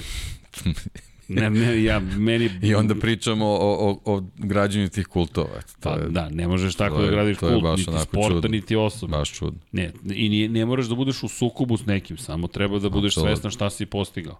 Ako ti nisi svestan, treba ti pomogne fabrika, treba ti pomogne Dorna, treba sve ti pomogne. skromnosti su uvek vrline, sve, sve to, sve stoji, to u redu, sve je to super, ali postoji doza, deki, amano. sad dolaziš u situaciju skromnosti. da nećeš sledeće godine imati angažman, pričamo o Joan Miru i sad je veliki veliko pitanje da li ćete neko i uzeti, pošto ti ako si osvojio titula, ti misliš da nisi trebao da osvojiš, zašto, zašto, zašto bi Repsol Honda mislila da ćeš sa njima osvojiti? Jeste, a paradoks je što onda godinu Da. kasnije govoriš kako si ti zaslužio titulu. Pa čekaj, jesi zaslužio ili nisi zaslužio? Znaš, da je nosio broj 1, verujem da bi ovde bio na sredini, pošto nekako ne bi baš bila simetrija da je, da je broj 1 sa strane, je li tako? Mene nema mnogo smisla. Pa da. I mislim da Ali bi dobro, svima... to je prošla ali, priča. okej. Elem, Kao matorci, ono, Kao, pa vraćamo znam, se. ali ne možemo da se ne na vratimo. iste priče. Da, ajmo ovako, Miguel Oliveira, eto ti nova priča i Brad Binder. Gde si njega? A evo, Miguel Oliveira, zato što je na spisku pobednika. Svaka čast, pa dobro. Pa Pa, dobro, da, ali znaš i sam kakva je ta trka bila. Okej, prvo, po kiši. prvo što je trka u delu sezone koji nismo smatrali da je pretredno bitan, čekali smo dođemo u Evropu, s druge strane bili su takvi vremenski uslovi da ono, Dobro. KTM je novi Ducati, kad padne kiša pobeđuje KTM. Ali vidi, vidi. to. Ali kad kažemo nije mnogo bitan, samo se razumemo. Bodovno je podjednako svaka trka bitna. Ali govorimo o tome da će nam otkriti zaista ko ima Pa da, ali, motocikl i sad koju već formu. Kad ovde podvučeš crtu sa ovih šest trka vidiš koliko ta pobeda u stvari apsolutno ništa. Pa dobro, da, znači. deluje čudno. Deseta pozicija u šampionatu sveta, imaš jednu od, je. pet, jednu od šest Tako je. pobjeda ove sezone. Ali zašto sam skočio? Pa zato što i Binder tu na osmoj poziciji. I onda gledaš KTM i mm, nema ništa što možemo novo da dodamo, oprostite nam, ali KTM je, KTM će Čekamo KTM ovati. iznenađenje i kišu u nedelju afternoon. Pa da, ne, čekamo, novi dijelovi su testirani, KTM se sprema, sve se to ponavlja, ali nema nikakvih informacija dok ne dođemo mi na stazu i saznamo šta se tu zaista dešava. Inače, Mark Marquez, to smo zaboravili da kažemo, a, to ne smemo da zaboravimo, da kažemo. Ne, ne moramo grafike da vratimo, Vanja. A to ne smemo da zaboravimo. Imao je tri motocikla u garaži. Pazi, tri motocikla tokom testa i deluje da je Honda, bez obzira na sve probleme i sve priče, ne spremna, nego da je potpuno posvećena i dalje tome da se vrati na vrh. Dobro, to je pristup. To je pristup, bukvalno.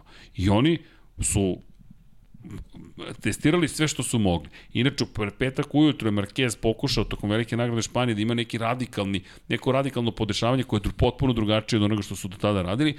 Bilo je loše, vratili su se na standard i onda su sada počeli da testiraju šta Pa se dobro, on je generalno radnik i verujem da tu ima dosta njegovog uticaja ovaj, na to što, sve što fabrika radi, a s druge strane Repsol Honda je dovoljno moćna ekipa da može to sve da prati, tako da ovaj, ne verujem da, da, da bi u bilo kom trenutku ovaj, odustali od nekih ovaj, inicijativa, bez obzira da li dolaze od inženjera ili od, od samog vozača, tako da verujem da je to zaista tako bilo i da, da su onako punom parom ovaj, radili da bi, da bi oni sa, sa te neke stramputice krenuli pravim putem. A sad, ako već spomenjamo Markeza i Le Mans, znamo ovaj, prošle godine ona trka do tog njegovog pada je bila prva ozbiljnija trka posle, posle ovaj, vraćanja iz, iz povrede.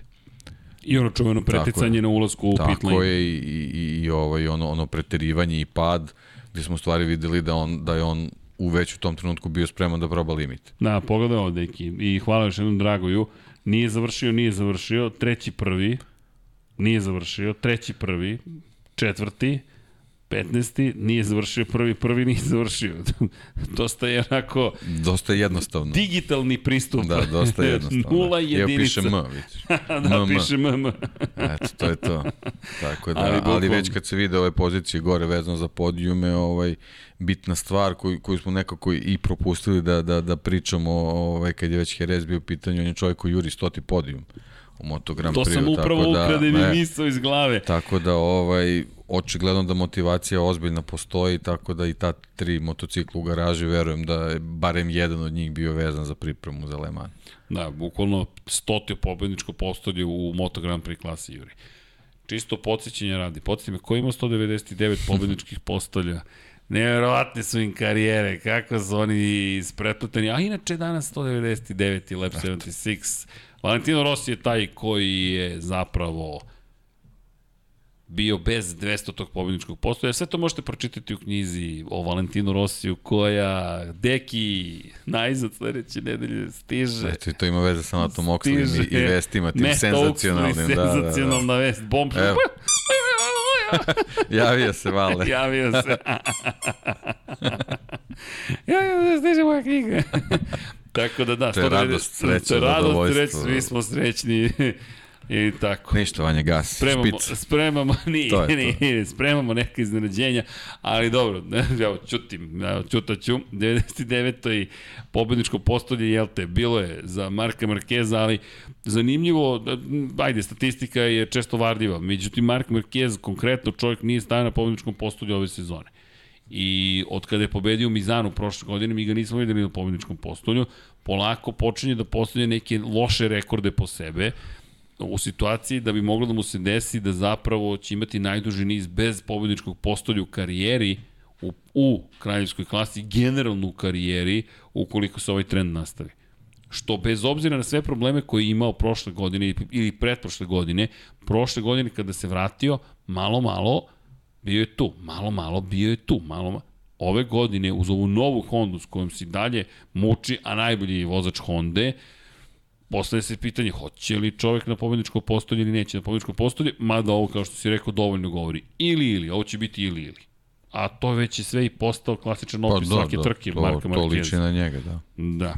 I inače, za Repsol Hondu rekli smo, priča se da je Mir taj koji će doći u Repsol Hondu, da Pole Spargaro mora da traži neki novi angažman i čekamo. To je nekako kako bih rekao, potpuno očekivano. O da, ništa, ništa ništa, spektakularno. Eto, ja sam samo ono, tipa u toj čitoj priči kada je spominjamo Apriliju, potpuno mi sve jedno. Eto, volao bi da ili Rinsa ili Mira vidim, recimo, na Apriliji umesto Vinjalesa, a opet s druge strane, ako se već pojavljuju te, te neke insinuacije da je Mir taj koji je viđen, viđen u Repsol Hondi i to mi je potpuno okej. Okay. Inače, izvini, zanimljivu izjavu dao Mark Marquez. Rekao je da još uvek ne može da razume gde je granica ovog motocikla. Da je njemu problem da shvati gde su limiti, šta može sve da radi s tim motociklom i ono što je njegov bio zaključak jeste da pokuša da bude što je precizniji moguće, ali rekao je tako mogu da radim, da vozim konstantno, to da radim dovoljno dobar posao, da budem konzistentan, ali spor. Ne može da bude konzistentan ukoliko pokuša da vozi brz krug. Jedan brz, drugi spor, jedan brz, drugi spor, ne može da nađe... Kao da mora da puni bateriju. da, kao Formula 1. E, sad smo ispraznili bateriju. Srećan toga još nema u Moto Grand Prix, ali okej. Okay. I rekao je, što se njega tiče, muči se sa prednjom gumom. I dalje se muči s prednjim krajem, što je, što je zapravo bizarno. Nek proba sa pritiskom. Da, da. Izbjegao sam tu šalu, ali dobro. Ja ali, nisam. Da, znam, i, i, i, ne treba, i ni ne treba. Međutim, paradoks. Napravio si potpuno nov motocikl. Zato što su tvoji drugi vozači rekli da njima ne prija to što imaš preveliko upravljanje prednjim krajem i previše slošaniš na prednji kraj. Honda je napravila motocikl koji zavisi od zadnjeg kraja. I onda je došao čovek, čiji stil vožnje zasnovan isključivo gotovo na kontroli prednjeg kraja i on je trenutno najbrži vozač na Hondi, a oni koji su tražili stabilni zadnji kraj ne mogu da se snađu. A on je ostao bez prednjeg kraja. Ok, ajde, nadam se da će uspeti to da reši.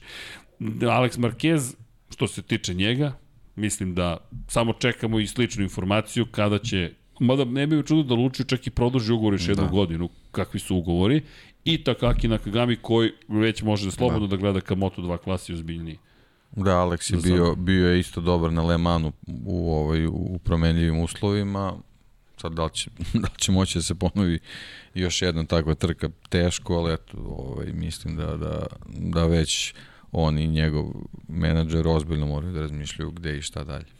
I da, ja mislim da je Superbike njega čeka, iskreno. Ne vidim povratak u Moto2 klasu, to bi bila degradacija dakle, nekoga ko je bio fabrički, pa je fabrički, ali na fabričkoj Hondi u jednoj ozbiljnoj satelitskoj ekipi, mislim da, da je sve Da, znaš kako, ali sad je, sad je Superbike nezgodan sa, sa 3-4 vozača koji su u vrhu u ovom trenutku yes. dolaziti tamo mislim da i to predstavlja problem, jer oni moraju na taj način da razmišljaju sad. Nije, nije Superbike jedna, jedna violina kao što je bio pre recimo dve, tri sezone. E, i da spomenemo jednu bitnu stvar. Lin Jarvis koji se oglasio po pitanju Topraka razgatli oglova, pričao je za motorsport.com, opet sa Luisom Duncanom je razgovarao i rekao je da što se tiče svetskog šampiona u Superbajku, Topraka razgatli oglova, postoji plan ekipe. Dakle, oni, ono što su potvrdili jeste da će da je tokom testa u Sepangu da će dobiti šansu u junu ove godine da testira Yamaha M1. I sad, Glenn Jarvis, koji je inače šef ekipe, je rekao da planiraju još više da urade sa Toprakom razgatli oglom. Rekao je pomalo od svega da će da urade. Dakle, na pitanje da li je to test nagrada, rekao je apsolutno jeste za ono što je postigao u 2021. Ali takođe će biti prilika da Yamaha proceni da li Toprak može da pređe u 2023. godini u Moto Grand Prix. I ono što je rekao Jarvis, rekao očigledno da je velika stvar bila to što je postigao, što je osvojio titulu, za, prvu za nas u 2009. Inače, poslednji čovek koji je Mahi doneo titulu Superbike u svetskom šampionatu i prvu je bio Ben Spies, koji je na kraju završio u fabričkom timu kao zamene za Valentina Rosija koji je otišao u Ducati. I rekao je, za nas je to bilo važno, mi to zaista cenimo i poštujemo. Dakle, ono što mi želimo jeste da što pre testira M jedinicu. I prosto u ovom momentu ne znamo šta to sve znači, ali jedno od razmišljanja Lina Jarvisa koji vrlo je oprezan sa svojim rečima je planirani prelazak u Moto Grand Prix kategoriju. Šta to sad znači dalje? Iz perspektive Franka Morbidelija, ekipe koja će biti zadužena za Yamahu, odustajanje Suzuki otvorilo ono kolo o kojem smo pričali, priča se da će Aprilia zapravo snabdevati sa još dva motocikla šampionat naredne godine, gde se očekuje da ostane Alex Rins, Alex Rins navodno će biti na Aprili, John Mir će navodno da ode negde, pretpostavlja se da će, to- da će to biti Honda, vidjet ćemo ko će mu se pridružiti, ali priča se da bi Valentino Rossi mogao da preuzme Yamahin ugovor kada je reč o RNF ekipi. Tako da, svašta Da mene se samo zanima da li spominje. tu slučajno postoji opcija m, naravno sve je vezano za, za te neke tehničke regulative koje vidimo da se ne preterano i ne poštuju. ovaj, da li Suzuki motocikli mogu da ostanu na gridu sledeće godine u, u, u, u vidu neke, neke privatne ekipe. Kako to... Suzuki motocikli koji možda mogu da se preimenuju. Hayate, na primjer, Pa ne, recimo, da, da, da. Znači To samo, samo kao da se. Suzuki kao ime ne spominje, To postoji. ali da se agregati koriste, možda eventualno s nekim drugim Ali deki, ko bi se komitovao na jednu sezonu, možda neko da uskoči u trenutnu strukturu ekipe sa dovoljno snažnim financijama, jer gde... Ne, samo, samo razmišljam, mislim, ono sad kao ti motocikli, ono kao ali, da, starog vožđa i to je to. pa da, ali vidi... Stari karbon. Pa da, ali gde je problem? Ako ti uđeš kao ekipa u saradnju sa tim timom, ti sledeće godine već 2023. imaš motocikle. Šta imaš 2024. Da, pa ne znam, eto, čisto kažem nešto, ono, Ne možda, možda kao neko koji mogu tu da se pojavi pa da mu to bude odskočna daska da vidi čisto ovaj, neko ko ima dovoljno novca da može na taj način da razmišlja. I- A već ima, već ima materijal. Da, inače Jer znaš to, kako ti imaš kompletnu grupu inženjera, mehaničara koji ostaju bez posla. Koji, Koji generalno nisu loši. Tako je, Pokazali su da... ne poznaju možda tvoj motocikl, ali ti ih angažuješ i kažeš ajmo da učimo. Da. Jer ti imaš tu vrlo dobre inženjere trkačke. Inače, samo apropo razgatli oglo, da se razumemo, ono što je zanimljivo jeste da je njegov menadžer, Kenan Sofoglu, legendarni Kenan Sofoglu, petostruki šampion sveta u supersportu, najuspešniji turski vozač svih vremena, je rekao da Topraka ne zanima ništa osim fabričke ekipe. S druge strane, je rekao Lin Jarvis, Kenanu direktno se obratio i rekao bolje je da pređeš što brže možeš u Moto Grand Prix, sledeće godine ćeš imati 26 godina, sada je vreme. Kada je prelazio u Moto Grand Prix klasu, Joan Zarko, sa 27 godina, Davide Brivio ga nije hteo. Potpisao ugovor sa Rinsom jer je Rins bio mlađi. Jer je to bilo za njega previše godina za ulazak u Moto Grand Prix. I kada pogledamo da je većina vozača legendarnih ulazila zaista rano u poslednje dve decenije u šampionat sveta, Kenan zaista je već u godinama koje su problematične iz te perspektive. I sad, ako Jarvisova poruka, pređi u jednu ekipu koja je satelitska za jednu sezonu, kao što je to radio Ben Spies, pa ćeš dobiti fabričku Yamahu, da li hoće da dođe Kenan Sofoglu u satelitski tim. Ti automatski obaraš svoju vrednost, automatski percepcija se menja, šta ako ne budeš dovoljno uspešan? Pa da, za, posebno zato što vidimo, mislim, imamo Luku Marinija, imamo Andreju Dovicioza, imali smo Valentina prošle, prošle godine, Valentina Rosija, fabrički motocikl u, u, privatnoj ekipi koja, koja ne ume baš maksimalno da iskoristi sve potencijali i nije neko rešenje. Ne vidim A posebno je to za čovjeka koji prvo nikad nije bio u Moto Grand Prix, znači njemu jedna godina maksimalnog učenja ne znači ništa, posebno što vidimo, pogledaj Andreja Dovicio- Dovicioza sa, sa, kratko, sa kratkom pauzom, šta znači kad se sedne na, na drugi motocikl u Moto Grand Prix bez obzira što je i fabrički. Pri čemu Andreja ima ozbiljnog trkačkog inženjera. On ima Ramona Forcadu, nema bilo koga. Nije to neki klinec koji je sada da. tek došao i sve u garažu. Ramon Forcada je jedan od Pa, najlegendarnijih inženjera. ja, ja verujem možda da, da Lin insinuira da jednostavno Dovi gubi svoju motivaciju, da će ovaj, napustiti ovu priču koja je definitivno onako baš, baš loš izgled bila i da će jednostavno ta ekipa koja, je, koja drži Dovija da će, da će ovaj, da pre, preuzme Topraka. Osim ako je RNF, možda da. On ne uzme Aprilije, na primjer. Pa, na primjer, da. Ili to, to, onda, RNF. to onda menja, Menja potpuno sve. priču. Da, da. Jer onda to otvara se ta priča sa... Inače, Valentino Rossi je posetio prethodnog vikenda Master Camp ekipu Yamahinu u Moto2 klasi. I ti sada kažeš, ok, hoćemo da možda pravimo VR46 Yamaha satelitski tim. Što najviše ima smisla. Pa da li, ali Toprak u toj priči Šta bi tu tražio? Meni nikako, nikako ne, ne ne postoji mesto za Pri tu čemu? puzlu nikako. Pogledaj Luku Marinija u ovoj cijeloj priči. Pre svega, Marko Beceki Novajlija na prošlogodišnjem Ducatiju. Luka Marini koji ne može ništa da postoji. Luka Marini 19. u šampionatu. Luka ima 14 bodova. I ono što ti često napominješ, nije samo do vozača. Ekipa je ta koja mora da te opremi da ti možeš da uspeš. Ovo je ekipni sport sve više. Koliko vozač može da učini? Može mnogo. Ali smo došli do takvih finesa zato da je stalno potencijali u Moto2 i Moto Grand Prix klasama. Ekipa. Ako se nešto ponavlja iz trke u trku, mm, obično nije samo do vozača, jer vozač će negde da bljesne. Obično je to do ekipe koja ne zna kako da iskoristi maksimum. I zašto bih ti kao topar razglatiogu rekao, ok, idemo ekipu koja mi ne deluje baš da može da iskoristi maksimum motocikla. Opet nema razloga. A pri tom imaš 26 godina. I ne treba ti jedna loša godina. Pa ok, ali dosta priča se izdešavalo u ovih desetak dana. Činjenice da eto, to, to ima veze i sa Franko Morbidelim, koga ne znam ni kako bih spomenuo, deki. Kako? Kao fabričkog vozača Yamahe. Evo neka ljudi, napišite u četu kada ste poslednji put videli nešto da kažete Franko Morbidelli me oduševio. Bear Grylls iskočio iz aviona pao u neku džunglu i ne može da mu ne, bode put. Ne, Nije ne može, bukvalno, pazi, ne nema zna samo ga. šta jede usput. Ne, ali je- nema ga. A evo neki, ajde ti mi reci kad si posljednji put sećaš nečeg što je Franko Morbidelli uradio da si rekao, Vidio sam ga na wow. billboardima po gradu. Ba, je, bukvalno to je trenutno da.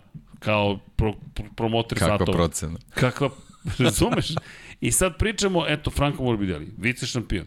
Šta se dešava? Inače, Fabio Quartararo bio vrlo eksplicitan. Rekao je, mene ne zanima što drugi vozači imaju probleme s Yamahom. Bukvalno je rekao, to nije moj problem. I što nije uopšte, i nije njegov problem, kako to veze ima sa njim. Čovek je tu pa je tu. Inače, Fabio koji je rekao, ja sam izneređen da vodim u šampionatu sveta. Čovjek je, kaže, Možda i to nije zaslužio. pa da, ali da, Mora da promeni retoriku pod hitno. Pa da, bukvalno mora promeni. Ali on je vrlo... Eto tu možda se ugleda na Jorge Lorenzo. Da, da, apsolutno. Jorge nije imao to. Ali dobro, činjenica, ovo su baš bili teški rezultati. Sedmi, osmi, deveti, neki problem. Znaš, ti imaš tu sta, stalno neki problem, ali ti vodiš u šampionatu sveta. Da se vratimo opet, završiti trku za početak. Ali dobro, ono što je takođe činjenica, rekao je da vozi na limitu non stop. Bukvalno u svakom trenutku. I da, mučimo se, ali to na kraju dana nije moj problem. Dobro, mislim, ta rečenica mi nekako ne ide uz perjanicu motociklizma. Da. Mislim, da li postoje trenuci kad ne voziš na limit, ali dobro, ok. Ne, ne, vidi, vidi, evo ti bizarne okay. rečenice. Svetski šampion je, Zet- uvažavam, to sigurno znaš šta ali, priča. Vidi, možda je to cinično prema ostalima zapravo krajnje, Ne jer njegova rečenica je mislim da nema potrebe da budem konzervativan. U šampionatu brzine, dakle, ne, ne, kontradiktorno je da Mislim, budeš... naš problem je ako moraš da voziš preko limita, ako voziš na limitu, meni je to skroz Pa ok. to je poenta cele priče, naći taj limit, kao što je rekao Mark Marquez. I ono što je dodao, rekao je, mislim da moram da dam najbolju verziju sebe svaki put kad sam na stazi. Evo, ja ću sada da padnem pod ovaj sto. Ako to nije mantra svakog velikog sportiste, da citiram Jordana i Last Dance, gde je njegov fizioterapeut rekao, Michael je imao potrebu da ka, govorio je sledeće, ako si ti spreman da sedneš ispred televizora tri časa da mene gledaš, ili dođeš na, u dvoranu da mene gledaš tri časa, e onda ću ja da dam sve od sebe u svakom trenutku svake utakmice. I to je ono što su pričali o Michaelu Jordanu nikad nije igrao manje dobro zato što je manje bitna utakmica. McDonald's turnir, verujte mi, važnost McDonald's turnira u širom spektru takmičenja košarkaških je apsolutna nula. Minus 273, dakle bukvalno stepena Celzijusa. Apsolutna nula. Znate kako je igrao? Kao da je titula u pitanju. Tako je igrao. I ljudi ga pamte. Bersi je bio pun. Pariz je bio pun. Fabio Quartararo, da, daje sve od sebe, to se vidi očigledno, ajmo i ovi ostali da počnu da daju sve od sebe, jer ovo ne obećava onda. I, i, i moram ti priznati da, da apropo Yamahe, ja zaista ne znam što da očekujem više od Franka Morbidelli. S- e, koliko god apo, apologetizma da izmamo i kažemo ok, desilo se, bio je operisan, desilo se, ljudi do kada? Kada se potroši ta količina izgovora koju možemo da imamo za nekoga? E, posebno što on, meni je barem ostaje utisak, možda, možda grešim, vozač koji ume da se prilagodi situaciji. Tako je. Ume, ume da prilagodi svoj stil ili motociklu ili, ili trenutnoj situaciji sa, sa određenom stazom i tako dalje. A Ovo je baš baš onako ovaj potpuno o, o, o, deluje kao vozač koji je potpuno van forme i onda kad se porede rezultati sa Doviciozom u stvari vidiš da, da je to taj neki trend koji je zahvatio te, te vozače Yamahe gde, gde u čitovoj priči imaš absurd da a, zbog čitave situacije ovaj, u kojim se određeni vozači nalaze da je drugi vozač Yamahe Binder. Pazi, to je tako. Sa svojim izdanjem Derin u ovoj sezoni. Da, da, Novajlija, Derin Novajlija, Binder, da. Derin Binder. Da. Pazi, Novajlija, Derin Binder. Čovjek ima samo dva pojena manje od Andreja Dovicioza. Ima samo 12 pojena manje od Franka Morbidelija.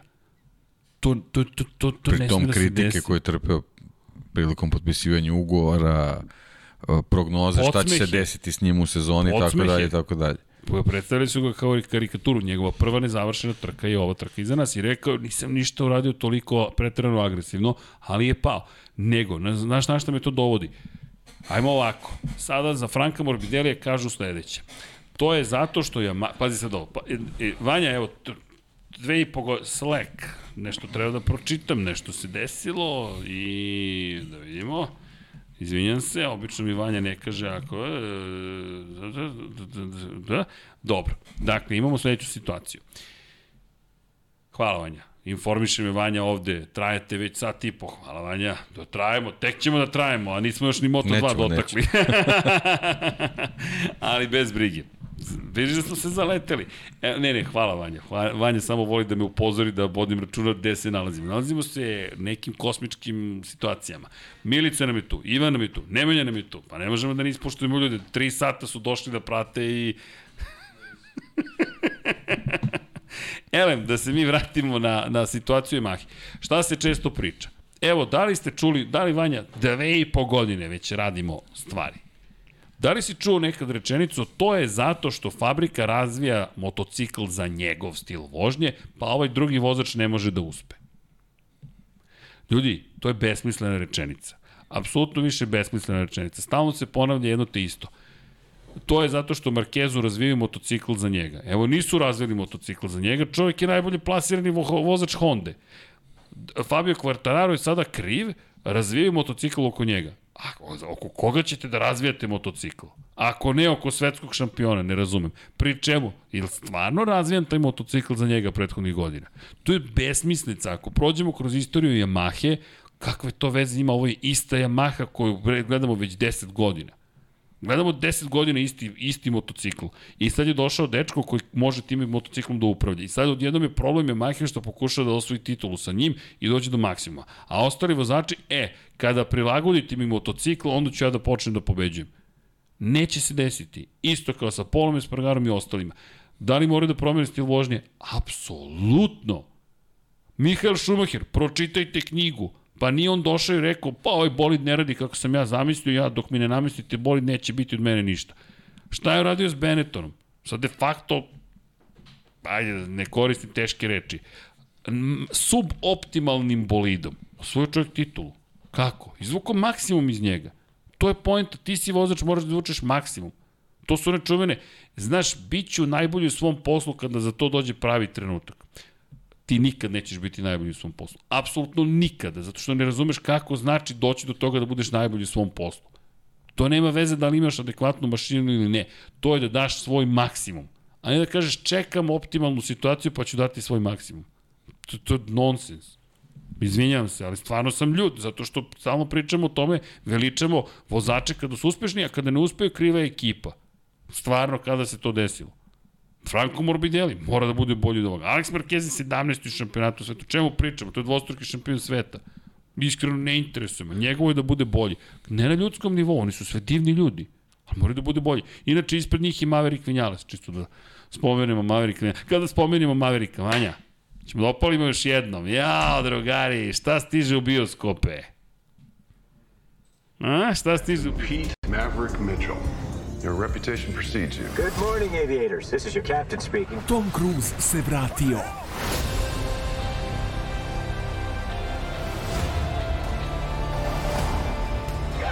Top Gun Maverick u bioskopima od 25. maja. E da vidimo da li će biti Top Gun Maverick Vinales.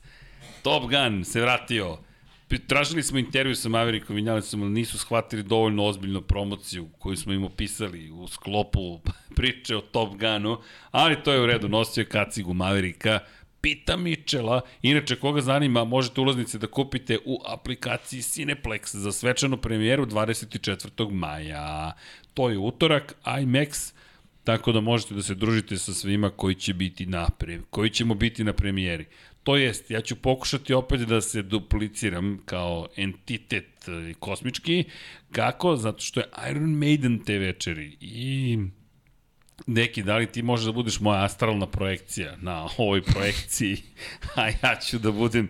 Dva, znaš, Paja juče kaže, sledećeg utorka, ne, za dva utorka, ne, sledećeg utorka, sledećeg utorka, da, ide na, ide na Hilandar. A ja kažem, ja idem na Iron Maiden. Savršen balans smo uspostavili u celoj priči. I onda bilo, je, bilo je stvarno smešno. Ali, za... Pa, čekam da završi pa da postavim pitanje. Vidi, vi igrate sledeće nedelje. Mi smo sad počeli da pratimo Liverpool krajnje ozbiljno. Znači sledeće nedelje Walk On podcast. ne, nije to sve... Ne, to je za dve nedelje. Za dve nedelje, Walk da. On podcast. Walk Off podcast. Samo ćemo da ustanemo i da odemo, ali da, eto, ko želi može da Te kupi. Znaš da na Liverpool TV ima emisija koja se zove Walk On? Stvarno? Da. Pa dobro, to Niste zaštitili ovde ništa. Nismo zaštitili. Vokom podcast je postojao. Da. A dobro, to je Izvini faške. Izvini što sam te šutnuo. Izvini, ništa, ništa, sve je u redu. Jel to? Ali dobro. Da, pozdrav za našeg drugara Faškita. Faške, nadam se da ćeš naći ulaznice za utakmicu. To je na nivou nemoguće misije, ali nema predaje. Kako? Ko? Faške, da, Faške posećuje sve to. Ali da se mi vratimo Moto Grand Prix, drugari. Dakle, vidjet ćemo Maverick Vinales da li može, jel te, više od onoga što je sada, do sada učinio. Inače, rekao Vinales da mu fali, da mu nedostaje još jedan korak u podešavanju motocikla i onda će stvari I da dođu. To je tu. Ajde. Tako je. Ajde. Evo, ovo je prilično ravno, ima malo onako one uzbrdice tamo, prva, druga, treća, pa se posle malo spušta i onda je prilično ravno sve ostalo. Eto, rekao, može. problem su kvalifikacije. Dakle, to mu je problem. Ma, rešit će taj korak u kvalifikacijama i to je to. Idemo dalje. Čekamo ga. Dobro. Da, ajde. Ad acta. Dobro, Pole Spargaro, pa ne znam šta bih rekao. Čekamo. Jack Millera bih istakao kao nekog uno koga ćemo baš voditi, koga ćemo voditi računa. Dve nezavršene trke, čovjek je pao na 11. poziciju. Instant. 11. si, dve nezavršene trke, to je postala gotovo nemoguća misija, ali zanimljivo koliko zapravo problema postoji za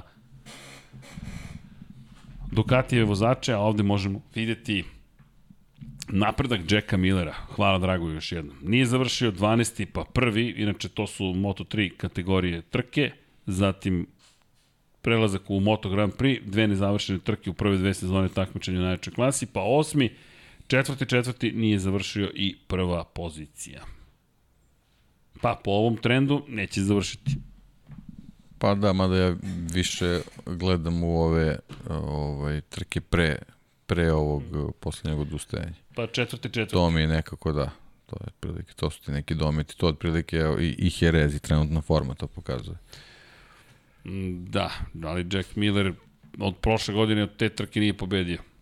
Pa kažem, ta trka je bila u, u, u ovaj neregularnim uslovima, tako da za njega Ako se to baš ponovi, da, ali da, ne verujem baš da ćemo takvu situaciju. U I stvari, ovo, šta ne verujem, ko zna. Ko zna. Leman. I imam, e, to si lepo rekao, Tom Leman. Christensen like that. Legenda inače Lemana. Devet pobjeda, tako? Da, dobro. Još uvek glava služi.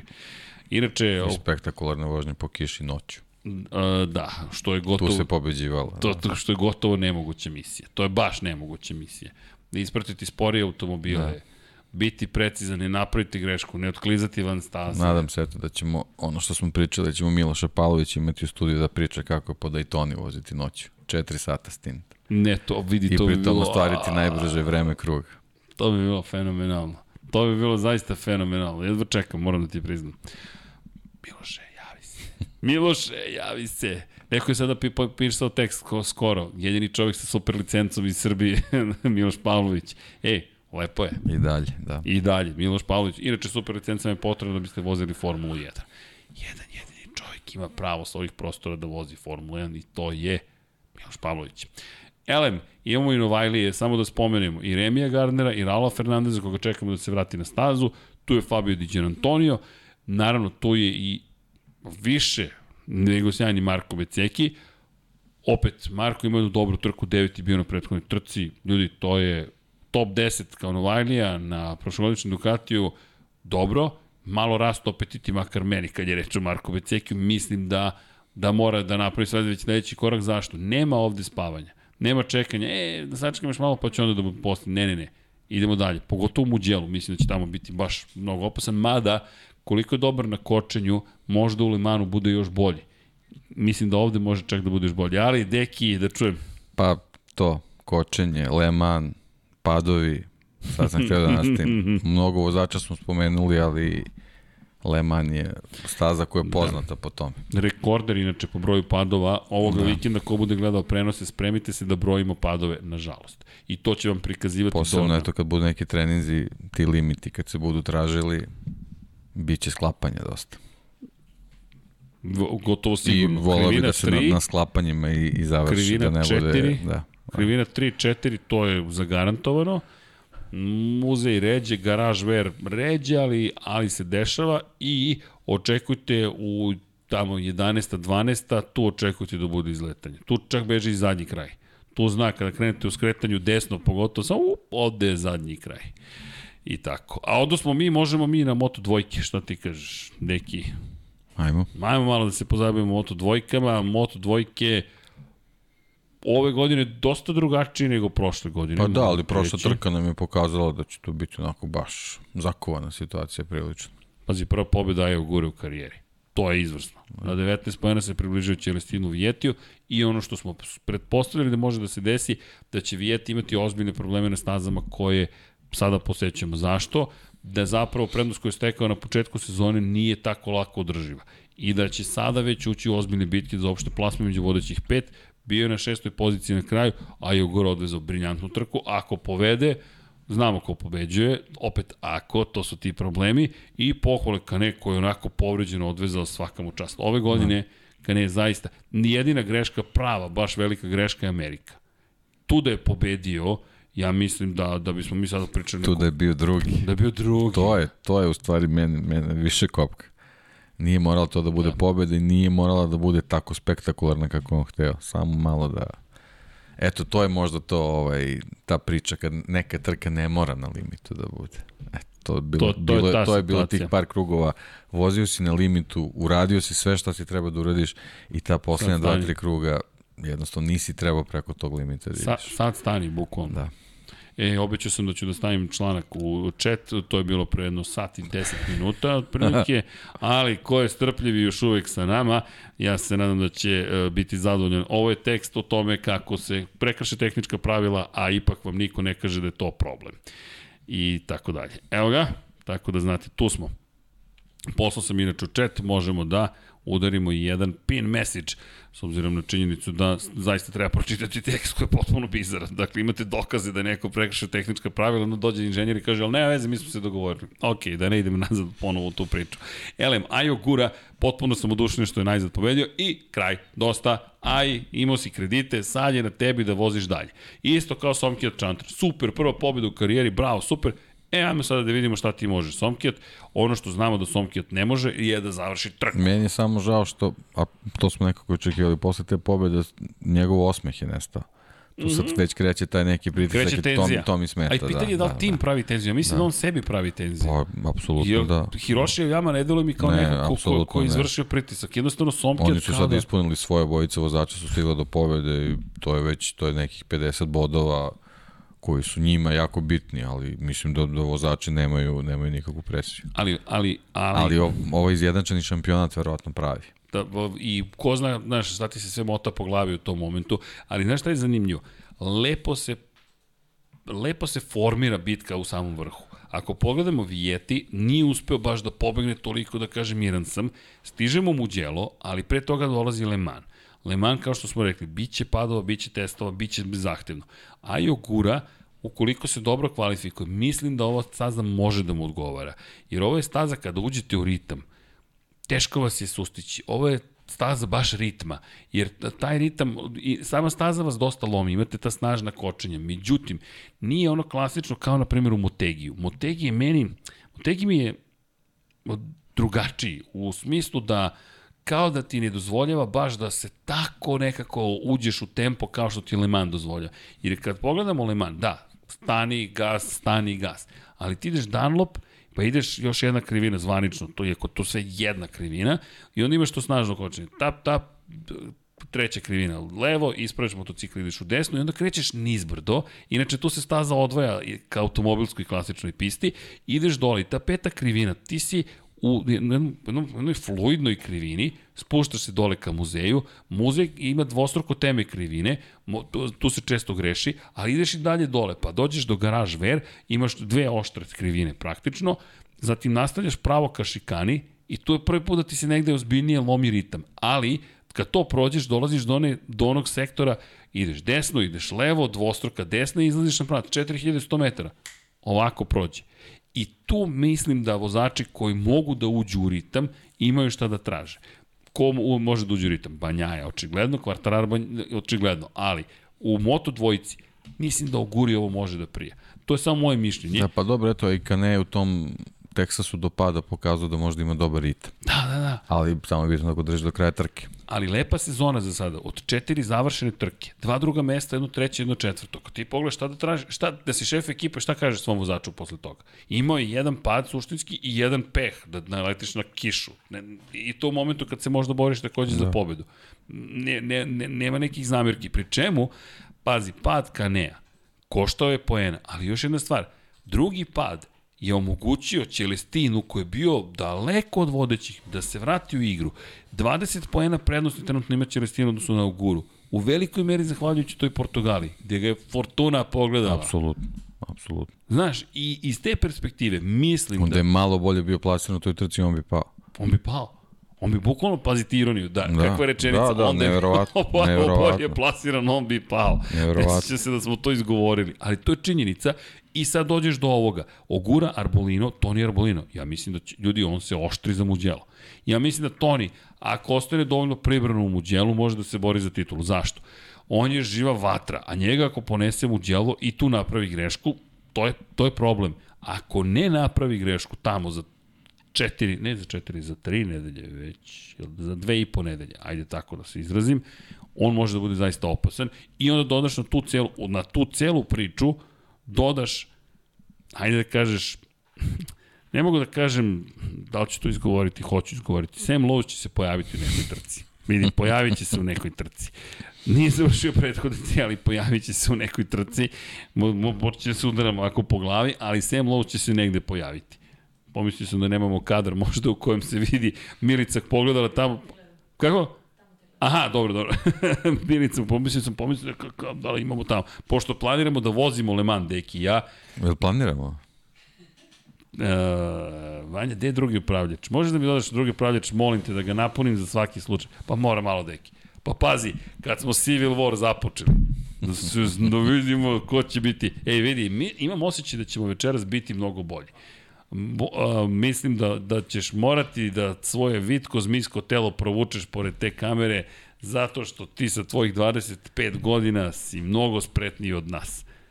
Opa, da ima deki, nalazim puna baterija. Elem, da se vratimo mi na Moto dvojke, samo bih spomenuo, dakle, samo bih u celoj priči spomenuo da postoji, eto, šansa, danas ćeš biti Nikola Brđević, čisto da znaš. Dakle, da postoji šansa da se uključi tu celu priču Naravno da mogu i svi ostali da se uključe. Augusto Fernandez, nemam predstavu što da očekujemo od Augusto Fernandeza. Deki, evo ti mi reci. Pa eto, ja sam na, plo, na prošloj trci sam tipovao na njega, pa eto opet opet ništa posebno, opet tako da nemam, nemam šta tu više, ko što kažeš, nemam šta tu da dodam više. Jednostavno čekamo generalno tu čitavu ekipu, čekamo i Pedra Kostu, mislim, jeste ok, Novajlija, sve super, ali sad dolazi u neke staze koje mnogo bolje poznaje, već bi trebao malo malo više neke stvari da pokaže, ok, uči, ali uh, luta s tim što eto ima to opravdanje u tom njegovom lutanju kad vidimo i Augusto Fernandez koji je novi član ekipe, Ekipe jeste. takođe luta, onda da kažemo, eto, neko ko bi trebao da, da, da vodi Pedra Kostu, malo i njega možda odveo nekom, nekom stramputicom, možda tu i ekipa ima neke neke potrese, ne znamo, ali generalno i taj čitav tim čekamo da se vrati i ole na nivo kakav je bio prošle godine. Vidi, Pedro Costa nije najbolji Novajlija. Jeremy Alcoba Da, ima više da, da. poena. I Da, to da. 8 poena ima više od Pedra Costa. Pa dobro, da tu su negde, da, Okej. ali, ali očekivali smo od Pedra ipak da, da, da bude malo, malo bolje. Sad Dobro, već malo, malo nije bilo sreće, malo raznih faktora, to je sve kao eto to neko učenje, ali ni na jednoj trci nismo videli Bljesak. taj neki talent. Pa nešto, da, da, kažeš da, se uhvatiš da, to i evo ga, kažeš to to je je taj to. Pedro To je Acosta, to. da. Jer vidi, svi veliki šampioni su makar imali spektakularna vožnja, pa pad, na primjer, pa se nešto desilo. Ali ovo je, Da. ja bi to Mm, nema. sve rekao, Suever je 37 mora da nosi. Eto, neki izgovor, šalim se. e, ili, Ne, ne, ne, ili okej, čuvena izjava da. Nika Andersona, 45 is not 23. Da. Opet se vraćam, Vanja ne može da veruje ovde. Kad dok će da sluša Michael Jordan reference. Da. Šalimo se, naravno, Vanja, veliki Kako poštorac beše, to je bilo kad je, generalno. Kad je Lorenzo birao broj. Jeste, ali on je... U uži izbor su ušli 23-99 i onda je 99 pobedio. Da, da, za to Tako nisam znao, stvarno. Da, da, da, Ne, da, da. za Četiri, 40 četiri broja su bilo u opciji. 48-icu znam da je zašto je menjao. Da, e, ali je tad bilo, ovaj, ne mogu se setiti, mislim da je bio recimo 17, tako nešto, 23, da zadrži 48 ili 99. I onda su glasali, 23 i 99 su ušli u finalnu rundu i onda je 99 pobedio. Tako je nešto bilo. Zamisli. Lepo. Jorge s 23. Nije, zar nisu... Zar nisu navijači to glasali? Da, da, da, da, oni su glasali. Da. A, okej, je okej, zbunio sam, glasanje ja sam i mislio da je onda nek... su- onda je bila Eurovizija navijači i su onda glasali, polufinale, tako je, tako je, finale, tako je, tako je, to, tako je. to. Toga se sećam, ali sam zaboravio koji su brojevi bili. 23 Da. zamisli ga 23 kao to, da, 23. 23 i 99 su ušli u finale. Ali vidi, mislim da mu je dobar, da mu je dobar broj 99. Nekako je lepo legao. Sad mi je asocijacija Da. 99 Jorge Lorenzo. Tako je, apsolutno asocijacija. I, I bolje mi je nego 48, moram ti priznati. 48 je nekako bilo okej. Okay. Ništa više od toga. 99, ej vidi, Jorge je 99-ka. Anđeo i đavo. Ne znam da li se sećate, da. Ali devetka je imala Oreol jedna, a druga je imala Rogove đavolske. Kad je prešao Ducati, oba broja su postali đavoli. Šta vam je? I sujever je, i simbolika i tako dalje. Ali zato on sluša Iron Maiden. Elem, Moto trojke, Moto trojke, znate šta ćemo, Moto trojke, Moto trojke. Eto, to vam je Da. kompletna najava. Ne, šalu na stranu. U Moto trojkama imamo istu situaciju koja, koja, pa sad, postaje sada već malo problematična, moram da kažem, iz perspektive neizvestnosti u šampionatu. Sergio Garcia počinje već da radi ono što smo očekivali od Denisa Fođe zapravo. Fođe je trebalo da bude taj koji pobeđuje, drugi je pobeđuje, drugi je pobeđuje, drugi. Pa nekako ispada da Spar radi ono što je Leopard trebao da E, radi. izgleda. Ta neka brzina koja je trebala da bude ovaj Leopardov adut, kao da je prešla na gas-gas stranu. Ja imam čudan osjećaj da mi treba pozovemo gospodina Miodraga Kotora. Iskreno. Zato što imam osjećaj da se ovde krije ve- veća priča nego što smo svesni. I volao bih to da vidim, da čujemo, jer gledam, znaš šta gledam iz perspektive brzine? Ako pogledaš šampionat konstruktora, Honda Honda, a onda gas gas, KTM, gas gas, gas gas. Pri čemu Hondini najbolji plasmani su sedmo, to je 12. mesto. Šta se desilo? Šta se desilo da ni jedan Hondin vozač ne može da parira KTM? Nije prvi put da KTM odnese pobedu u konstruktorskom duelu, ali posle dve pobede Honde, Ne, meni, meni je ona slika koja mi je ostala u glavi je, je onaj snimak iz vazduha u Teksasu na pravcu, gde Leopard nije bio najbrži motocikl. nije. Ni A, blizu. a navikli smo da bude. Apsolutno. I navikli smo da bude ne Još najbrži. od Masije, nego Od još od masije, Masije, od, još od da. masije da dominira pravcima. I nismo ni blizu toga. Tako da mislim da treba da pozovemo gospodine Kotoru da pitamo, gospodine Midraže, šta se događa ovde? Nadam se da ćemo ga uskoro i videti uživo. Možda jednog dana i ovde, ali Jeste do da je tada... Fođe pobedio Le Manu, ali za, šta se desilo pre toga? Šalim se. A može i tako, Pa ne bi bilo loše može. šta se desilo pre toga. Pa vidi, tu imamo malo, malo veću blagonaklonost, ipak i gospodin Kotor. legenda. Ali nema navijanja ni za Fođu, ni za Leopard u tom kontekstu, samo prosto bismo volili da, da bude uzbudljiva bitka, ali Garcia ima 21 poen prednosti. Drugo mesto, četvrto mesto, pobjeda, incident, greška drugog vozača, pobjeda drugo mesto. To, je, to, je, to su šampionske vožnje, to je kraj. Pogotovo u moto trojkama da budeš toliko konstantan i nije svaka po, pobjeda bila jaje, kao jaje jajetu. Ne, u različitim Borbe, situacijama. borbe, Da, da. borbe. I baš je dobro Poenta je da su oba vozača ovaj, gas gasa konstantno u kadrovima.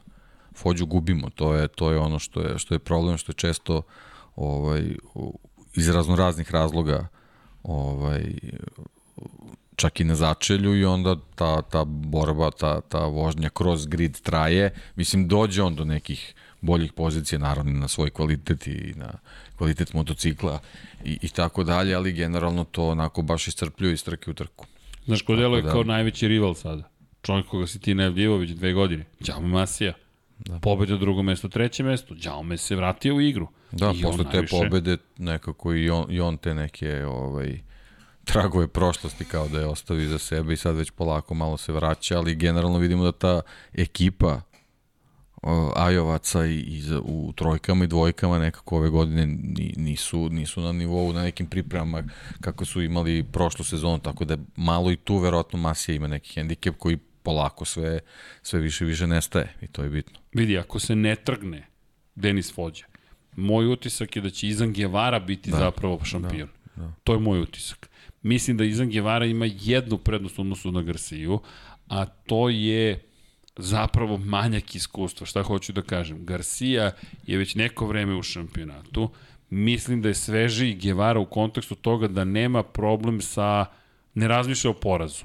Garcia ih je pretrpeo. To, to mi je samo Pa mišljenje. mislim da je Garcia problem što mnogo razmišlja o tome. Upravo A to. prošlu sezonu ovaj, smo imali kao dobar primer da, da mislim, u, u nekom delu sezone gde je već postalo posle onog furioznog početka Pedra Kosta došao je trenutak gde smo imali situacije da razmišljamo da li će uspeti da stigne do te spektakularne titule i na kraju se to između oslog nije desilo zato što Sergio Garcia u nekim situacijama gde je trebao da, da anulira Akostinu prednost, on više od bilo koga počeo da razmišlja o tome. I onda se to dešavalo sa, sa tim nekim kiksevima, a ono naj, naj onako najipočetljiviji je bio onaj pad u, u Aragonu. To je on nešto što je stvarno ovaj pokazalo da pre svega ovaj, ta psihološka priprema ovaj, i psihološka egzekucija u toj čitavoj situaciji nije njegova jača strana i upravo to moguće da je to upravo Gevarina Gevarina prednost. Ako sad te gas gasovce izvojimo u odnosu na ostatak grida kao, kao eto momke koji mogu da, da uradi više. Opet sa druge strane, Masija je pokazao da on a, ne preza od tih duela u poslednjim krugovima, samo što eto, bilo je situacija gde nije imao sreće, gde su drugi vozači uticali na, na njegove vožnje, ali, ali moguće da i on eto, ovaj, da se oslo, oslobodio tih balasta i da će on sad možda u, u, u, toj, u toj fazi moći da, da računa na, na, na bolje plasmane, da, da jednostavno kroz trku izgradi poziciju da, da u samom finišu može da, da računa u borbu za podijum, ajde da ne kažemo sad u borbi za pobedu. Izvini, deki, ovde pokušavam da rešim i pitanje upravljača, ne bismo li vozili, ali možda se izvučemo. I slažem se s tom ovo što si rekao, apropo masijine sada agresivnosti koja vuče iz perspektive toga da smo dobili od jednog vozača koji na konto toj pobede može, apropo Givare kao što si rekao, isto delimo mišljenje nekako kao da je rasterećen u celoj priči i mislim da je Givara Neću reći nužno, mada ne, reći ću. Mislim da je više motivisan. Zašto? Guevara, kada kažem više motivisan, mislim da Guevara ima jasno izgrađenu sliku o svojoj karijeri. Za Garciju nisam siguran da je izgrađena toliko do MotoGP-a. Guevara je prošle godine bio šampion, ne prošle, pretprošle bio šampion sveta u juniorskoj konkurenciji. On je doveden da bude velika zvezda sledeća. Pedro Costa ga je prešišao po tom pitanju, ali ok, ostaje jednu sezonu duže u šampionatu sveta Moto trojki, sledeće godine će gotovo sigurno do, dobiti ugovor u Moto 2 klasi, sa Garcijom, Garcija je više duže tu ostao. I tu imaš taj jedan raskorak. Da, Garcia onako nekako zvuči kao oni, oni stari španci, španski vozači iz onih prošlih vremena koji su bili zaštitne klase 125 i 250 kubika.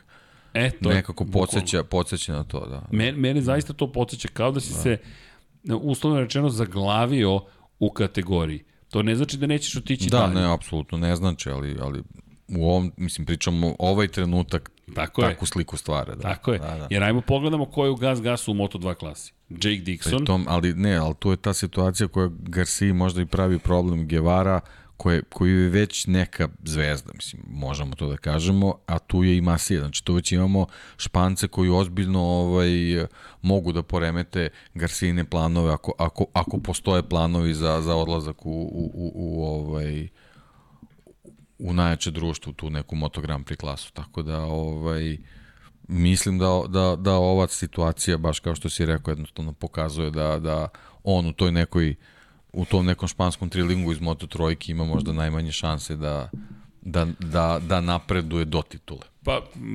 delimo mišljenje. Ali bukvalno da. delimo mišljenje. Ali okej. Okay. Ali Zato da, je to... mislim, prvo iskustvo je prošle godine na njegovoj strani, mislim, to, to nije sporno, ne možemo to da, da, da, da, ovaj, da, da zanemarimo, a sa druge strane, mislim, on ima stvarno motocikl ove godine izgleda da gas gasovci su ovaj, u potpunosti spremni da svojim vozačima pruže u svakoj trci borbu za pobedu. Pa kombinacija To stvari. jest za duplu pobedu. Mislim, tako KTM da u kažem, kombinaciji s jednom od, izvrsnom ekipom. Da. To je utisak, bukvalno. Da. Jer ako pogledaš uh, Gas Gas, uh, to jest Aspar dugi niz godina, zapravo nije mogao nikako da dođe do toga da pobeđuje u Moto3 klasi. Od, nekako od momenta kada su osvojili titulu sa Albertom Arenasom, koji je inače drugi vozač u Moto2 klasi, kao da su se kockice složile. To je utisak, kao da su se kockice složile. Inače, očekivanja od gas gasovaca u Moto dvojkama, samo da ih spomenemo malo pre nismo, Dixon imao jednu od najlepših trka prošle godine u Limanu. Šta može da uradi? Pa, opet, anomalija, kiša je bila. I iz toga opet se postavlja pitanje šta ćemo vidjeti od Jakea Dixona. Albert Arenas, ja mislim on gradi svoju karijeru. Njegova će treća sezona biti najimpresivnija. On je, on je onaj strpljivi što polako gradi. Ali, da se vratimo mi na Moto trojke, Denis Ondžu, hoćemo li mi doživeti tu pobedu njegovu prvu? Isto važi pitanje i za Ayumua Sasaki, ako je da sklopi ceo vikend da ne bude nekog, nekog čudnog momenta, incidenta, greške, šta god. Da, pa Sasaki ono od početka sezone vidimo da, da ima brzinu i da taj motocikl može to da pruži sad. to što si rekao, jednostavno te, te, ti neki nesrećni momenti bi bilo, lepo bi bilo da ga, da ga zaobiđu, čisto da vidimo u stvari o, te njegove mogućnosti na maksimum, da vidimo u stvari zašto je, zašto je sposoban, što se tiče on, on je, mislim, on je tu, on je ovaj, nekako se etab- etablirao sa tim svojim stilom vožnje i jednostavno taj, taj, taj stil vožnje ne može da nam omogući da, da dođemo ovaj, do nekog zaključka kad će biti potpuno zrema, zre, zreo za pobedu, potpuno spreman za nju. Ovaj, tako da, bukvalno što se njega tiče, od trke do trke ćemo ovaj, gledati kako napreduje i, i tu ćemo vidjeti da li će biti prilike da, da, da se u nekom trenutku ovaj, nađe na samom vrhu, ali jedna stvar je sigurna da kad je, kad je ovaj, neizvesna borba za, za pobedu, kad je 5-6 vozača ovaj, u, u, u, tom, u toj borbi, ovaj, uh, Onđu definitivno nije, nije u grupi onih koji znaju da reše to na pravi način. Ali, za koga vozi Onđu? Teh 3 ekipu, pazi, ovo je Francuska. Ako da. negde mogu da prorade emocije, to je onda u Francuskoj i naravno Ma dobro, njemu rade emocije svuda. Pa da, da, ali to pride, problem. ali pride, Pa pazi dobro, se neki da, sad, da, ono, da, dođeš da. i Mislim, on kažeš, je uvek na maksimum, tako da kažem samo ako ako bude bila situacija da da mora da se kroz kroz jednu krivinu rešava pozicija, videli smo da da jednostavno njega ponese taj adrenalin i, i eto, neko ko ima nesreću da uvek povuče pogrešan potez, nikad nije onako na pravoj strani. ajde da mu se slože da, kockice, ajde, da pa se da, bori, nema bilo bi veze, lepo. nek bude tu. Eto, mislim, malo i on stekao iskustvo, mislim, ta njegova vožnja i dalje je onako agresivna, ali, ali nije više toliko opasan, mislim, to je, to je ono što Nije je bitno, na, nepromišljen. naučio je dosta, tako da, eto, ja se nadam da, eto, zbog te čitave situacije da, da će eto u jednom trenutku da, da bude nagrađen, da, da konačno stigne do, do te Pazi, pobede. još nema ni Da. postolje. Mogu zamislim to- to slavlje To slavlje. ja mislim da će brat da dolete, da će Cannons of Voglu da dolete, da će cijela Pa pa doč- turska ekipa. pa zamisli Ima toprak da ga, pa, toprak će da ga dočekuje. Ali ja sam ubeđen da će da. Denis da sklopi tu priču. Da. da li sad u Lemanu ne znam, ali pazi, on je konstantno četvrti, Pa, peti, četvrti, kažem, peti. kon, konstantnost Znaš. mu dozvoljava da razmišlja da će bukvalno imati mnogo prilika ove sezone da eto jed, na jednom mestu da se konačno to sklopi sve. No, Tako da, dobar, dobar je, da. vatren je vozač. Jeste, I kad jeste. ne pravi one Da. bizarni I ovo da, mislim i ova staza bitno je spomenuti za Moto trojke, ovo je, o- ovo je jedna od onih staza da nema jedne putanje. Tako da mislim da bit će to interesantno, prilično. A u Moto Grand Prix pobeđuje Maverick Vinales. Bum. bum. Ajmo, Da. evo, bum. Zašto? Zato što je ovde zabeležio prvu pobedu u karijeri u 125 kubika. I zato što treba da se priča o tome na promociji filma. Tako je. Paid promotion. Da. Ali Samo dobro. da ga Tom Cruise ne bodri. A Da, bez tweetova. javio se čovek koji je ozbiljan, ozbiljan ljubitelj Top Guna. Au, koliko, koliko gor, ne gorčine, razočaranja. Kako može, kako, kako može Vinjales da stavi onu kacigu po, polako. It's just a movie. Ne, nije. To je kultno ostvarenje. Ali dobro, o tome ćemo da pričamo. Inače, spremamo vam tu jednu poslasticu za sve one koji vole filmove. Deki, ja ćemo... Stvarno? Pa da. A, Nisi znao? Nisam. Evo, da znaš. Ja sam mislio da te koleginica iz prodaje obavestila, ali vidim da... da pa, deki, moramo da vidimo neki preview, radimo na tome da dobijemo priliku. E, imam super priče. Imam super priče šta se dešalo, da ne otkrijem sada. Drago mi. da samo dođi, Dobro. nema ništa da brineš. Vidjet ćemo koji je dan. u Vidjet pitanju. ćemo koji je dan u pitanju. Ali snimak je, tako da možemo A, koji god želiš. okej, da, snimit ćemo, okej. snimit ćemo. Inače, imamo još jednu kategoriju takmičenja u Francuskoj. Elektrifikacija je potpuna. Eri Granado elektrifikovao sve, tačka, To Eri. Granado, dve pobede i da li može najzad do Pa deluje mi da je naučio oni malo management guma da je bitan, ovaj, a definitivno je najbrži vozač tamo. Jeste, po, šta, vidi se jednostavno na, na jednom zaista zavidnom nivou. Prošle, prošle godine trka na, na Le Manu je pokazala kako, kako on ovaj, kontroliše situaciju, ovaj, dobro, tu isto bilo malo, ne, malo i nesreće i tako dalje, ali generalno ovaj, iz trke u trku pokazuje stvarno da je, da je najbrži vozač i favorit glavni ponovo za pobedu je sad videli smo da moto je stvarno možda bude interesantno u smislu tih nekih nepred, nepred, nepredviđenih situacija, tako da ovaj, treba zbog toga pratiti, ali ako pričamo o favoritu, nema, nema, nema dileme uopšte. Dobro, ja bih dodao samo Dominik Egerter, mora da se doda. Vozi ove nedelje, naredne, narednu, onog tamo vikenda 22. i 21. će biti trke svetskog šampionata u supersportu, tako da ništa ne, ne, ne, ne se nema kod kada je reč o poklapanjima, tako da ćemo ga vidjeti i istakao bih stidljivo Miguela Ponsa, deluje kao da je dovoljno brzo prvo imao pehove kazne da može da figurira u toj nekoj Može, može, da, apsolutno može. to je, to je nekako on mi se pojavio na radaru kroz celu ovu priču. Miguel Pons, ok, da vidimo mi šta može. Miguel Pons, Axel Pons je vozio, Miguel Pons vozi, porodica Pons kao i kao i Nijetovi, jednostavno stalno su svogde tu su i to je lepo vidjeti. To je zaista jedno veliko ozbiljno nasledđe.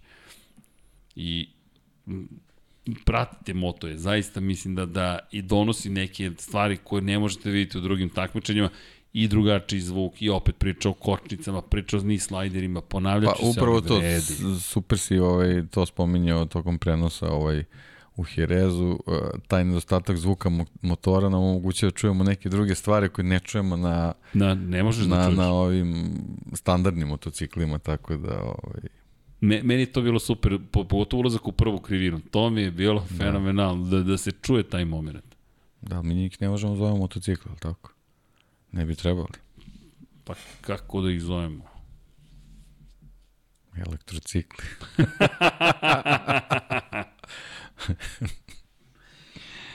Ok. Moto E, Sad, Moto E, ideš, okej. sad idemo Da. u, u e-moto. Da. sad idemo u e-moto. Jel ima opcija da se oni voze? Ne, nema. Ko? Moto je u... Ili ima? Ima, mislim da ima. Pa eto, Eri Granada. Čekaj. Mo, quick modes, da. Split screen. Hoćemo da vozimo elektro. A, udrite X, kolega, molim vas. Split screen. A, dakle, ali čekaj, da, dakle, onda moram i ja, je li tako? A ne, ne, ne, ja sam, ja, ja sam izabrao start Grand Prix. Možeš krug da udariš, molim. Krugić. E. A, select rider. Nema Vanja Moto je, ne da. Ne, ali deki hoćeš 500 dvotakne. Pa padamo i ovako, samo mi još to. Ajmo MotoGP. Dobro. Uh, kog Francuza ćeš ti? Mm, zašto ja ne mogu sad da... Ne, ne, ovo sam ja. Aha. Ti uzmi Fabije. Ja ću Fabio, dobro. Ja sam sa Fabijom. Budimo realni, mora, mora da se... E, staza. Čekaj. Idemo u Lemančić. Dobro.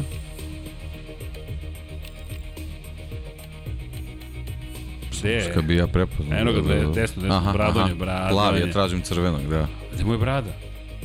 Uzbiljio se. Okej. Uh, šta, Start Grand Prix? Star Grand Prix. Vanja, slika u slici je to, Vanja je sve odradio, čekaj. Hello and welcome. Dobrodošli na veliku nagradu Francuske. Odmah idemo na start, da? Tako delo. Okej.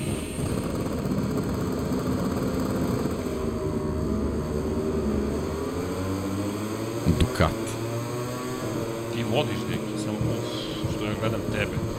Ja gledam Deki kako vodi i onda ja pao, ja zbudim. Nema veze, stižem, stižem, stižem, Deki, kamere. Ali, ali vidi, ja kad padnem, jako komplikovano padnem i onda padnem u drugu državu. Aj, kako sam... ps- Daj, vrati početak, ponovo sve. Sve sam po- pobrkao ovde. Srđan inače ne vidi ljudi ekran uopšte, samo da znate. Ja ne vidim gde je staza, šta je bre? U, pa da, ja sam krenuo na Tetra Ruž, pa da ja vozim automobile. Automobil, Da, ne, ne, da, ne. da, da. E, to, Vanja, sad je vidim stazu. staza sad ovo? E, sad vidim stazu. Ajmo ponovo. Ajmo ponovo, a? Pa ajmo, ja sam Ajmo, ajmo. potpuno pogrešio ne, stazu. ja, restart race. Ja nisam mogao da vidim ekran do sada, tako da ne zamerite, ali to bilo nemoguće vidjeti. Okay. Pobedio neko prvi Da, stigne do prve a, krivine, mislim da je to, to najbolje. Vanja je sklonio dvoplan i vide ljudi stolicu. Ali to mi je brza organizacija. Ja ne vidim ka... Idemo, Dukac vidi. Ma, jao, sad ću ti, sad idem u zavetrinu. Evo ga Marquez.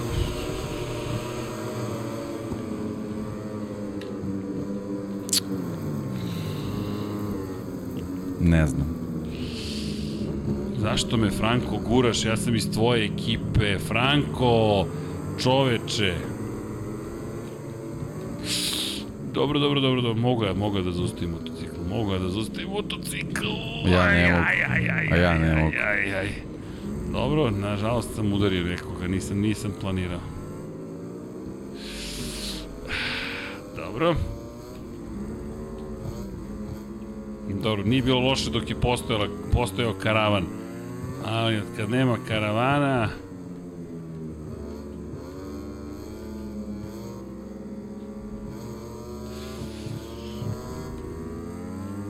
A, ovo ne koči uopšte. Koje su kočnice? Koje su komande? X i, i R1, i R2. A, zadnju kočnicu moraš koristiš u MotoGP. A šta je to? X. Ne, ja vozim kontra. Jao, Deluje mi, da. Nisam bio loš, na davanju gasa preagresivan. E, možda završim krug u Lemanu. Opa! Ajmo da spustimo. Ja mislim da ja ovaj komand imam pogrešne potpuno. Komanda je pogrešna, kako to Pa misliš? ne koči uopšte. Evo šta god da pritisnem, ne koči. Stvarno? Stvarno.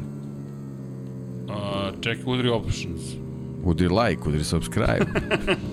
Ne, ne, ne. Čekaj, Nema veze, evo vozim na, na kočenje motoru. Evo.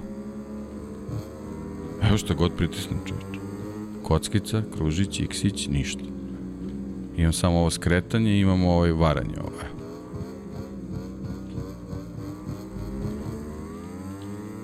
I evo ovde kao nešto koči, ali to je vjerojatno prednja, da pošto ne koči ništa. Vidi.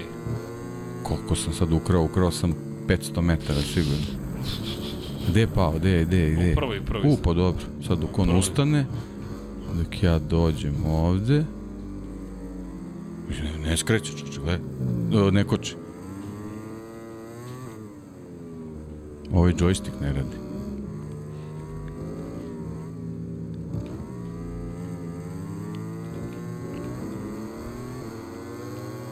Ali sam na pravcu brz.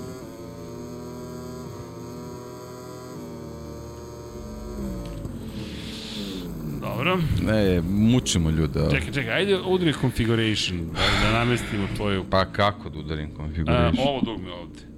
Ovde. To. E. Op. Dobro, exit to main menu, menu. Ajmo dobro. da namestimo. Ajmo da Yes. namestimo. E. A čekaj, control Sad ja prvo, configuration. tako. Ne, ne, ovo sam ja, ovo sam ja. Vibracije, trigger, uh, function, accelerate, uh, change, motion sensor, to nemamo jer nema potrebe za time. Front, clutch, change kamera, ok, ovo za mene je sve u redu. Staza je, ok, ja sam spreman. Sad Dobro, ti sad ja. controls configuration. Aha, vidiš, a, stavi ga on, vib- vibration on, normal, A, normal. trigger effect, Nema on, što, normal. normal, to, to, to, to, normal. Normal. A ovo je ispod trigger effect function, ne znam Dobro. šta je to. To je kod mene, ajmo ajmo medium to, accelerate je R2 i front brake reverse je L2. I to je to, rear brake je, je X. Čekaj, ne pratim to uopšte. L2 je... Ne, uh, L... L2, da. Šta je L2? Uh, L2 ti je kočenje. Kako? Prednji. Prednji, da. A X, zadnje? i Zadnji, X, X. Kako X, daj mi čoveče L1. A, Kako to da promenim? Pa, mislim da ne možeš. Je, vidi neki uh, i, uh, palac, pa, E, neću, ne odgovara mi. pa ne znam kako da... Sad ste moram prilagođen stil vožnje ovim komandama. Šta je? Možda ovo remove binding, change, ne, Dobro, ajde, ne, nema veze, gubimo vreme. Back, To, back, start Grand Prix. back. Ajmo, deki, sad, sad ozbiljna vožnja. Ma kako? Sad maksimalna ozbiljnost u fans. Kontinuar. A vidiš, sad je hladnija staza, ne znam, da mi to odgovara. U, Ducati. Uf, vi kod mene mračnije.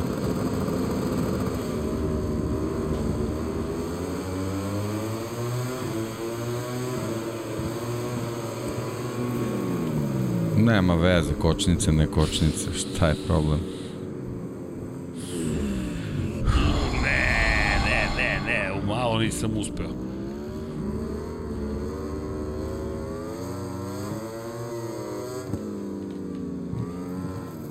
Uf.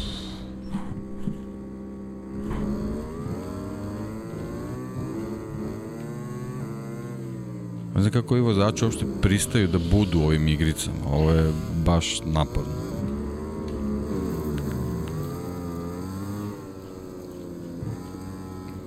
Sad već imam dovoljno iskustva da znam da ću da padnem.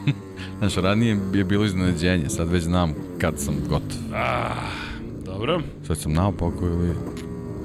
Ne, aha, dobro. Evo, ja se ne žalim, ja samo ne znam da vozim.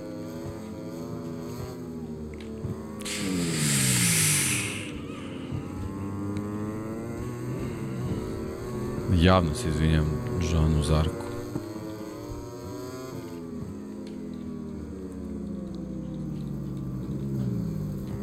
Čovječe, neko će. Ovo sigurno ima neko štelovanje, neke jačine kočenja ili nešto.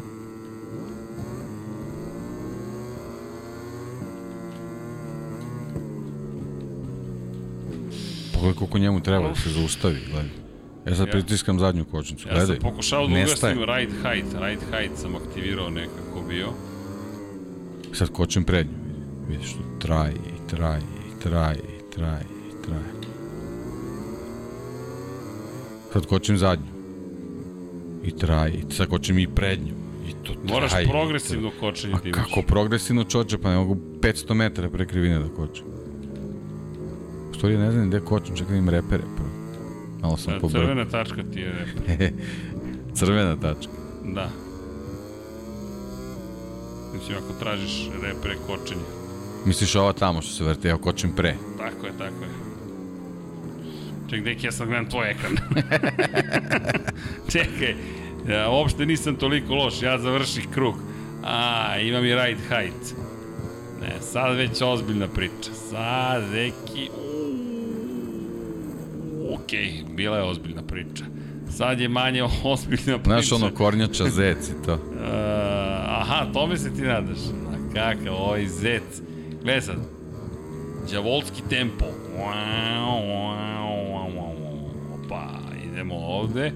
Pa sad pustiš gas, pa ovako, pa sad iz- ispravi se motocikl. Uh, ko, pa sad, ko Rossi prolazi ove krivine. pa sad snažno kočenje ovde. Ne. Deki, sve sam bolji. Nemoj, nemoj, nemoj, nemoj, nemoj, nemoj, nemoj, nemoj, nemoj, nemoj, dobro. Opa, deki, ovo se uzbiljava situacija. Dejan Potkonjak počinje da vlada motociklom. To mi uopšte ne odgovara. Uopšte mi to ne odgovara. Ajmo sada nizbrdo. Garaž ver se približava. Ajmo, kočenje, kočenje, kočenje. Nemoj, nemoj, nemoj, nemoj, nemoj, nemoj. Tako, Fabio, tako, Nemoj, Fabio. nemoj, nemoj, nemoj. Kralj krivina, kralj krivina. Idemo, right height se spušta. Wa, wa, wa. A, deki, gledaj ovo. Opa, pa, pa, pa, pa, pa, pa, pa, pa, pa. Kako? Vanja, kad ćeš ti da voziš? Kad će neko ozbiljan da vola. Da. E, vidi, samo da znaš, deki, ja postajem ovde sve ozbiljniji ozbiljniji, mogu ti reći. Pa ti vidi. Ljudi, samo da znate da ima dana kad znamo da je srđan u studiju i zaključa vrat i ne možemo da uđemo. Sad je jasno šta radi. Tako je. Ovo su te dve Ja, krivine. majko, Vinjale su ove sramota. krivine, kako ja volim. Uuu, Upo za ceo Šta je to bilo? John Mir je to bio. Nije šta, već ko? pa sad ćete Super. da vidite. Opa.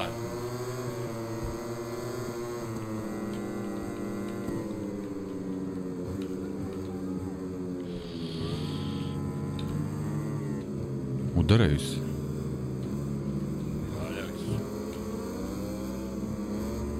Uf. Dobro. Ovo su zvuci ko... Ojajajaj, ne! Za malo da imam ceo krug, ali dobro. Ova peta mi je baš problematična. E, Maverick Vinjal. što je poslednji? Ali to su važni koraci. Kako sam prošao ovaj sektor? To je... Ne, Šta bi? Pobedio sam? ne, ne, neko je završio. Pih, Trku, ti si ceo krug iza. pljuc. I ja sam završio. Ali molim vas, dame i gospodo, o, i dalje vozim ja. Au, ja sam mislio da je gotovo da autopilot, ja sam mislio da auto je preuzeo autokontrole. Dobro, to je to. Gledaj neki. Ne, evo dominaciju na zadnjem pravcu. El Dominator, tako Evo te zovemo Dominator, sad. tako je.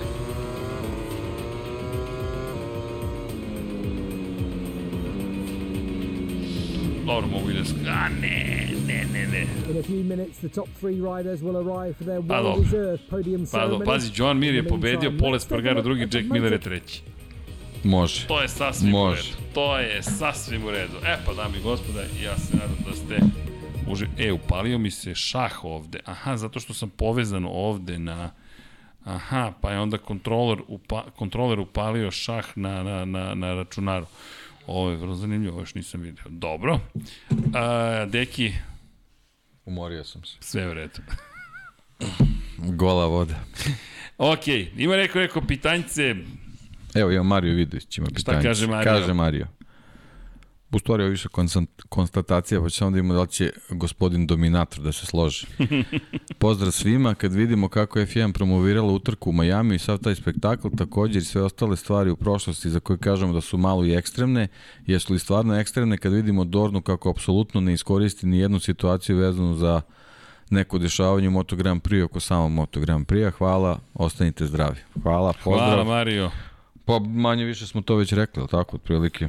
Pa da, ali eto, samo da konstatujemo, mi za, ono što, šta se desilo, lepo je tih 40 miliona pratilaca, ali talas su propustili. Propustili su neverovatne prilike i mislim da veoma loš marketing trenutno rade. Mislim da se da su se izgubili u, u, u, u, u celoj situaciji koja se desila što sa Rosnim, što sa Markezom, najiskrenije. Jer šta se desilo u Moto Grand Prix? Nisi izgubio jednu zvezdu, nego si izgubio obe svoje zvezde koje su igrale ulogu protagoniste i antagoniste. Samo zavisi koga pitati, to smo prošli put pričali. Imaš sudar svetova koji je bio nekako pozadinska priča veća od glavne priče. Marquez Rossi to je konstanta. U, od 2015. to je konstanta. 16. 17. 18. 19. 20. 21. Marquez Rossi, to je konstanta. I umesto njihova lica da su tu glavno komandujuća, Rossi nije bio tokom godina više nije mogao da parira Markezu, da li je do njega, Yamahe, godina, svega, kombinacije, nevažno je, prosto taj sukob nije postojao u kontekstu šampionata, ali je postojao u kontekstu ličnosti, a ličnosti su te koje privlače pažnju. U pozadini se odvijela neka druga bitka i onda smo dobili Mira koji de facto nije imao rivala. Mi nismo imali Mir protiv Kvartarara za titulu 2020. Nego smo imali ko će da izdrži do kraja godine. I nije problem u tome da li je jednom pobedio Joan Mir, nego što se stekao taj utisak da zapravo nije morao nikoga ni da pobedi nego samo da dođe do kraja i da je to to, da se Fabio samo pobedio. A onda prošle godine, Quartararo ni jednom momentu nije zaista dobio rivala. U jednom momentu je to bio Banjaje na kraju sezone, pre toga ko je njemu bio rival tog? Pa ne samo to, nego ni on nije toliko dominirao da bi se možda publika opredelila za nekog drugog za koga će navija da dostigne Fabija. Da bude protiv Fabija. Da, da.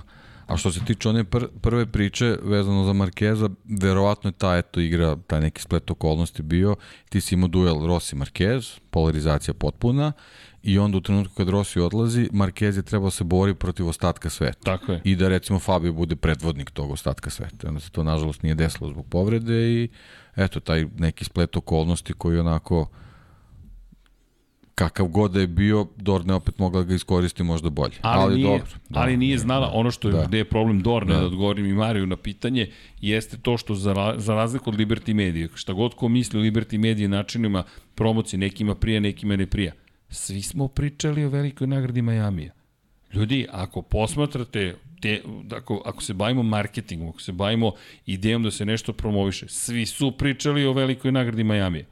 Koliko ljudi je danas velika nagrada Le, francuski Le Mans dolaze.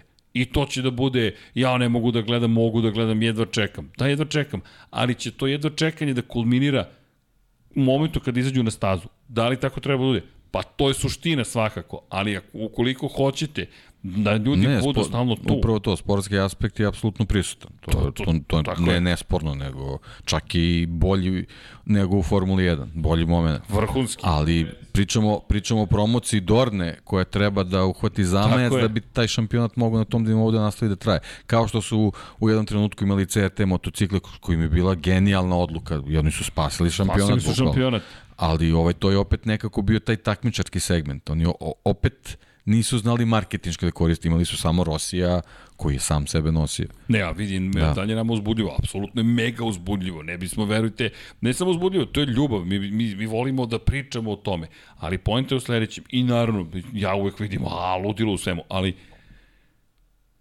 to nije dovoljno za šampionat iz perspektive globalnog onoga što se događa. Pa dobro, pitanje koliko oni možda Tako. žele da budu globalni. E, to je, to je dobro Možda Dorna to ni ne želi zato što bi možda neko veći to preuzeo. Ok, Dorni možda ovako, ovako ostaje to odgovara. tvoje nekako trajno, porodično. Prvi su u svom selu.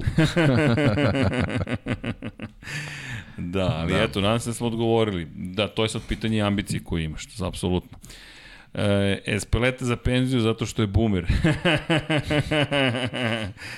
Čak nije ni boomer, tako da samo polako. Uh, Liberty kao da je bila na kursu Elona Muska u prodavanju magle. Muki Alex. Večera sam držao predavanje o SpaceX-u i o tome... I zato je kasnije.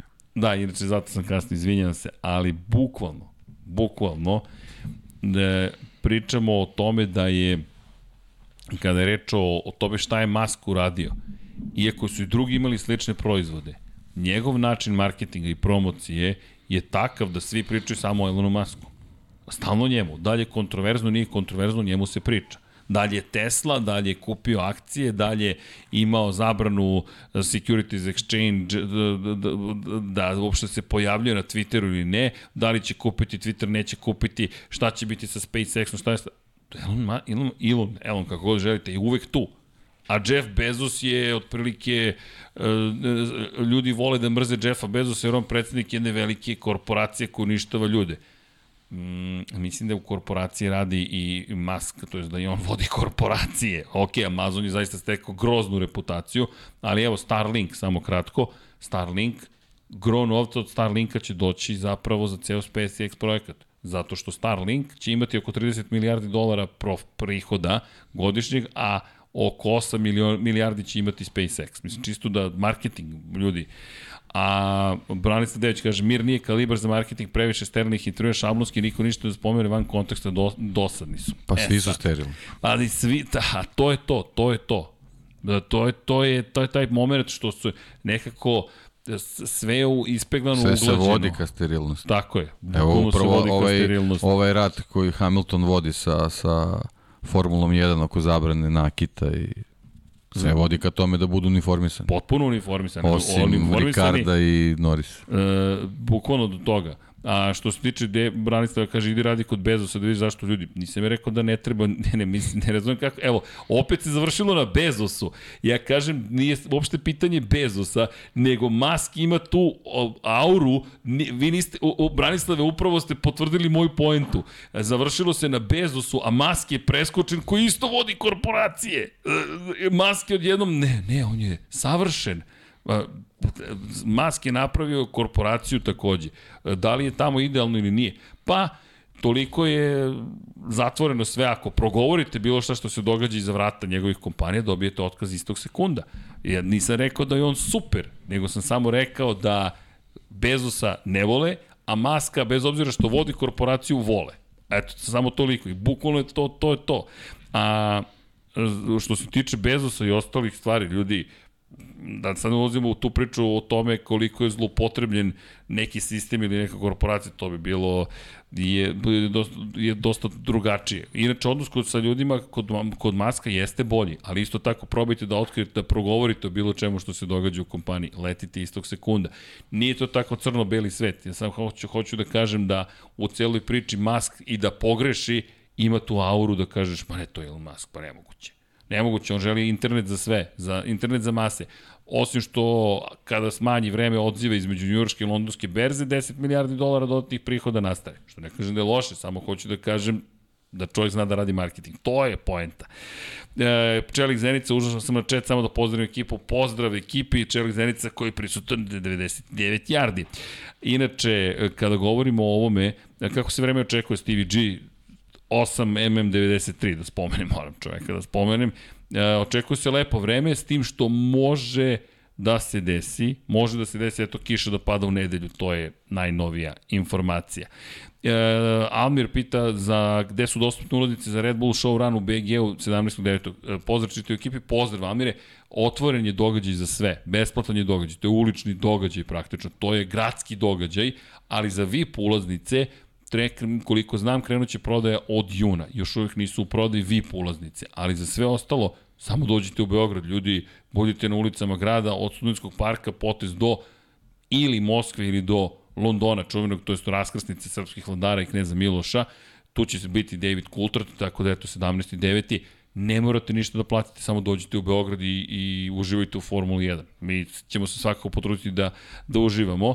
I inače, kada govorimo o kada govorimo o, o, o, o celoj priči promocije Moto Grand Prix. Nama ne treba dodatna promocija, ali ovo što Deki kaže, možda nije loše zapravo razmišljanje. Možda si se zadovoljio ovim što imaš i kažeš to je to. To je ta gledanost, to je to što imam i nemam brdanje dalje. Možda to nije toliko loše, ne znam. A, Srki imali preklapanje sa Formulom 1. Srki, uh, pa imamo preklapanje za veliku nagradu Muđela, Italije i veliku nagradu Monaka. Muđelo i Monako su istog dana. Samo što neće biti preklapanje glavne trke.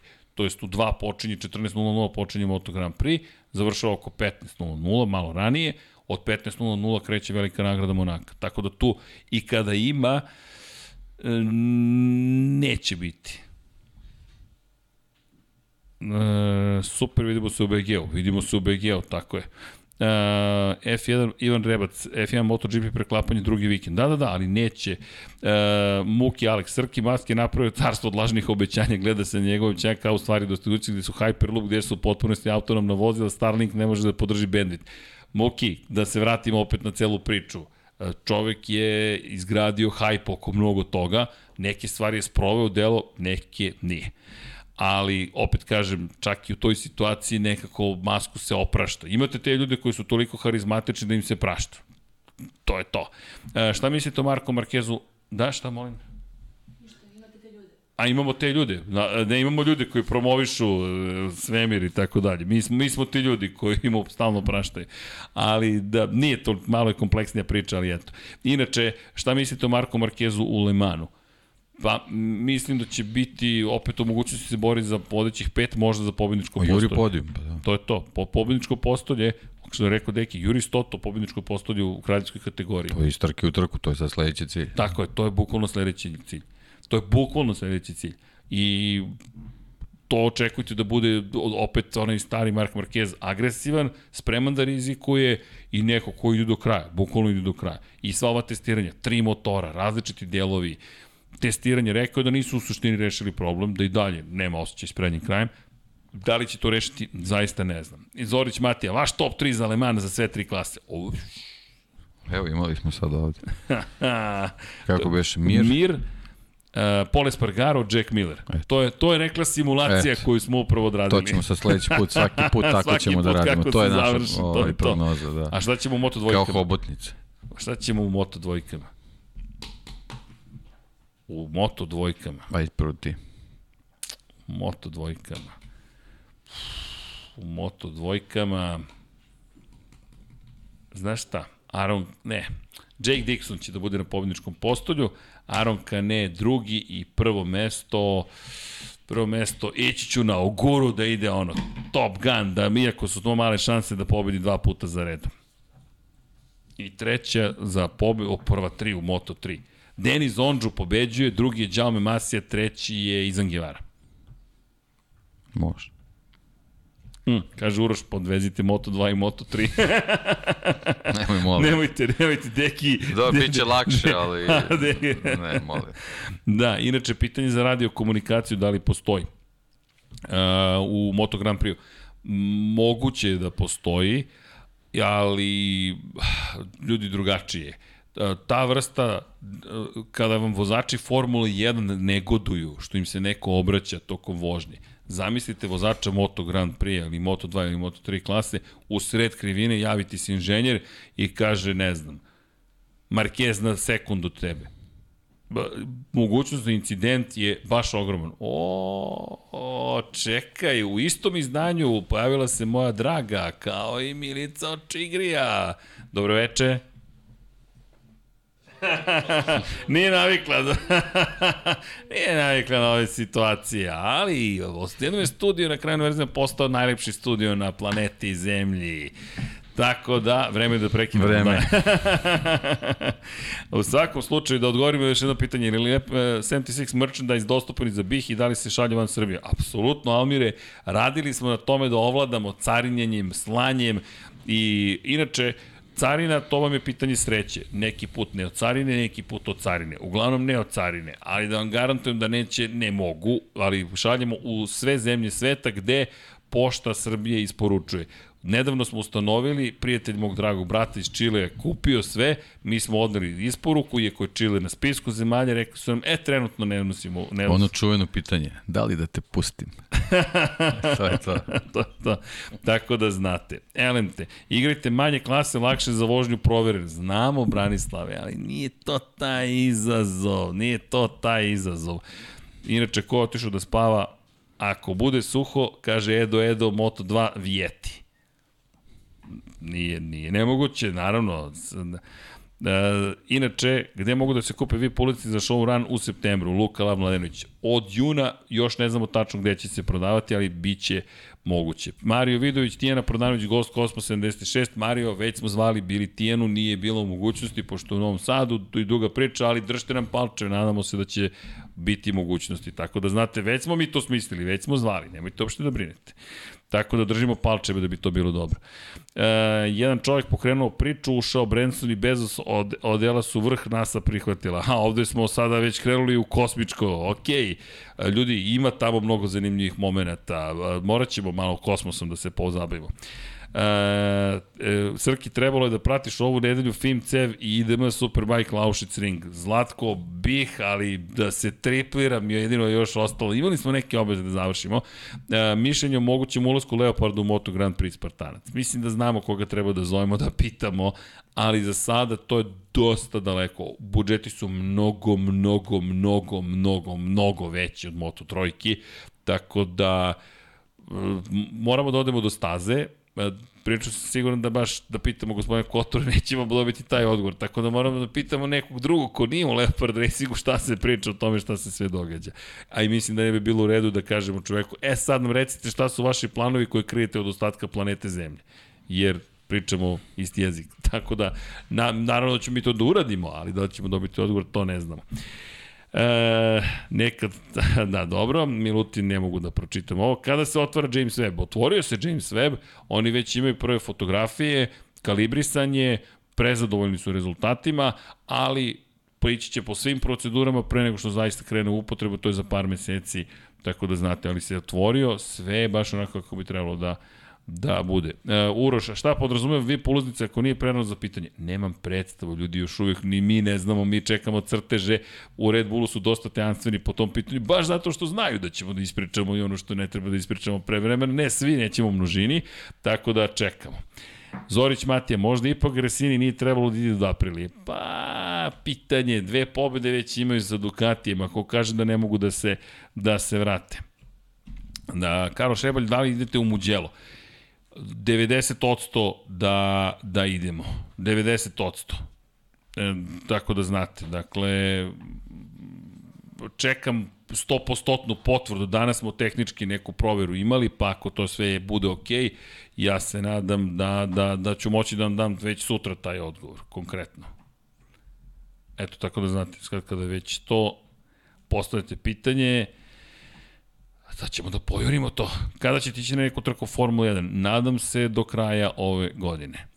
Uh, Srki, Renči, imam jednu kartu za Kataloniju General Mission, pokloni nekome. E da, sledeći nedelje ćemo da poklonimo za veliku nagradu Nemačke dve ulaznice, tako da Renči, eto, možemo da poklonimo vašu. Ako nije problem, javite nam se na lep76 at infinitylighthouse.com.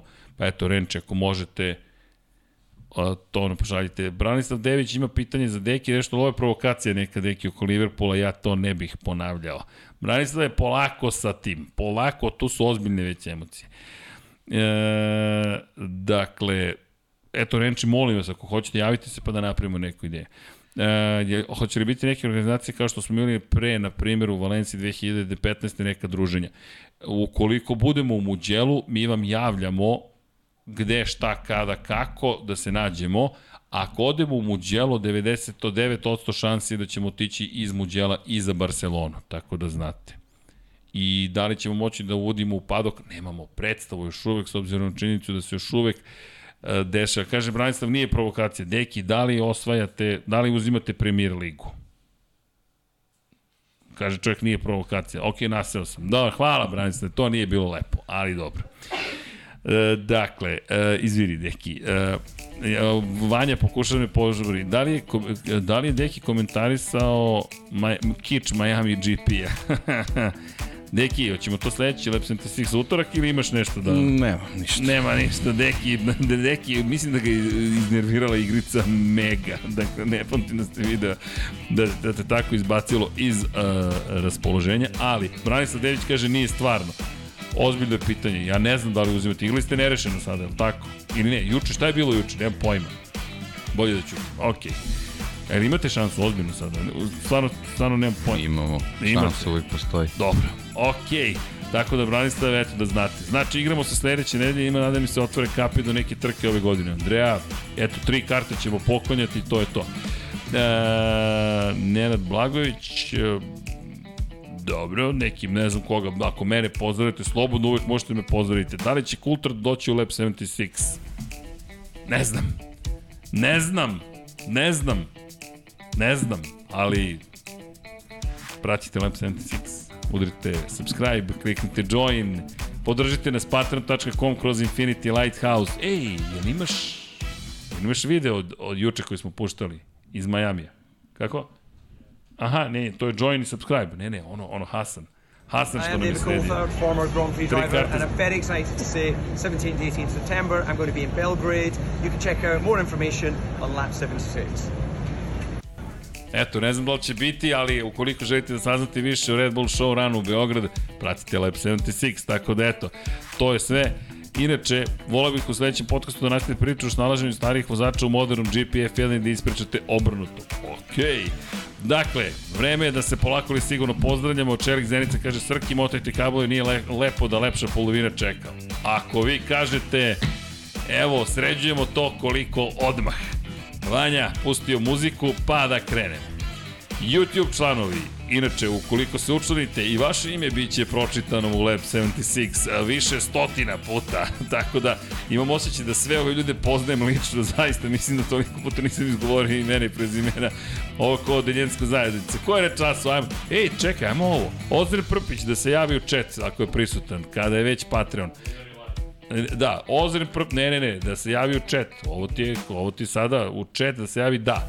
Ozren Prpić, prozivam. Jelena Jeremić, Sava, Ivan Toškov, Milice, reaguj, da se javi, molim te.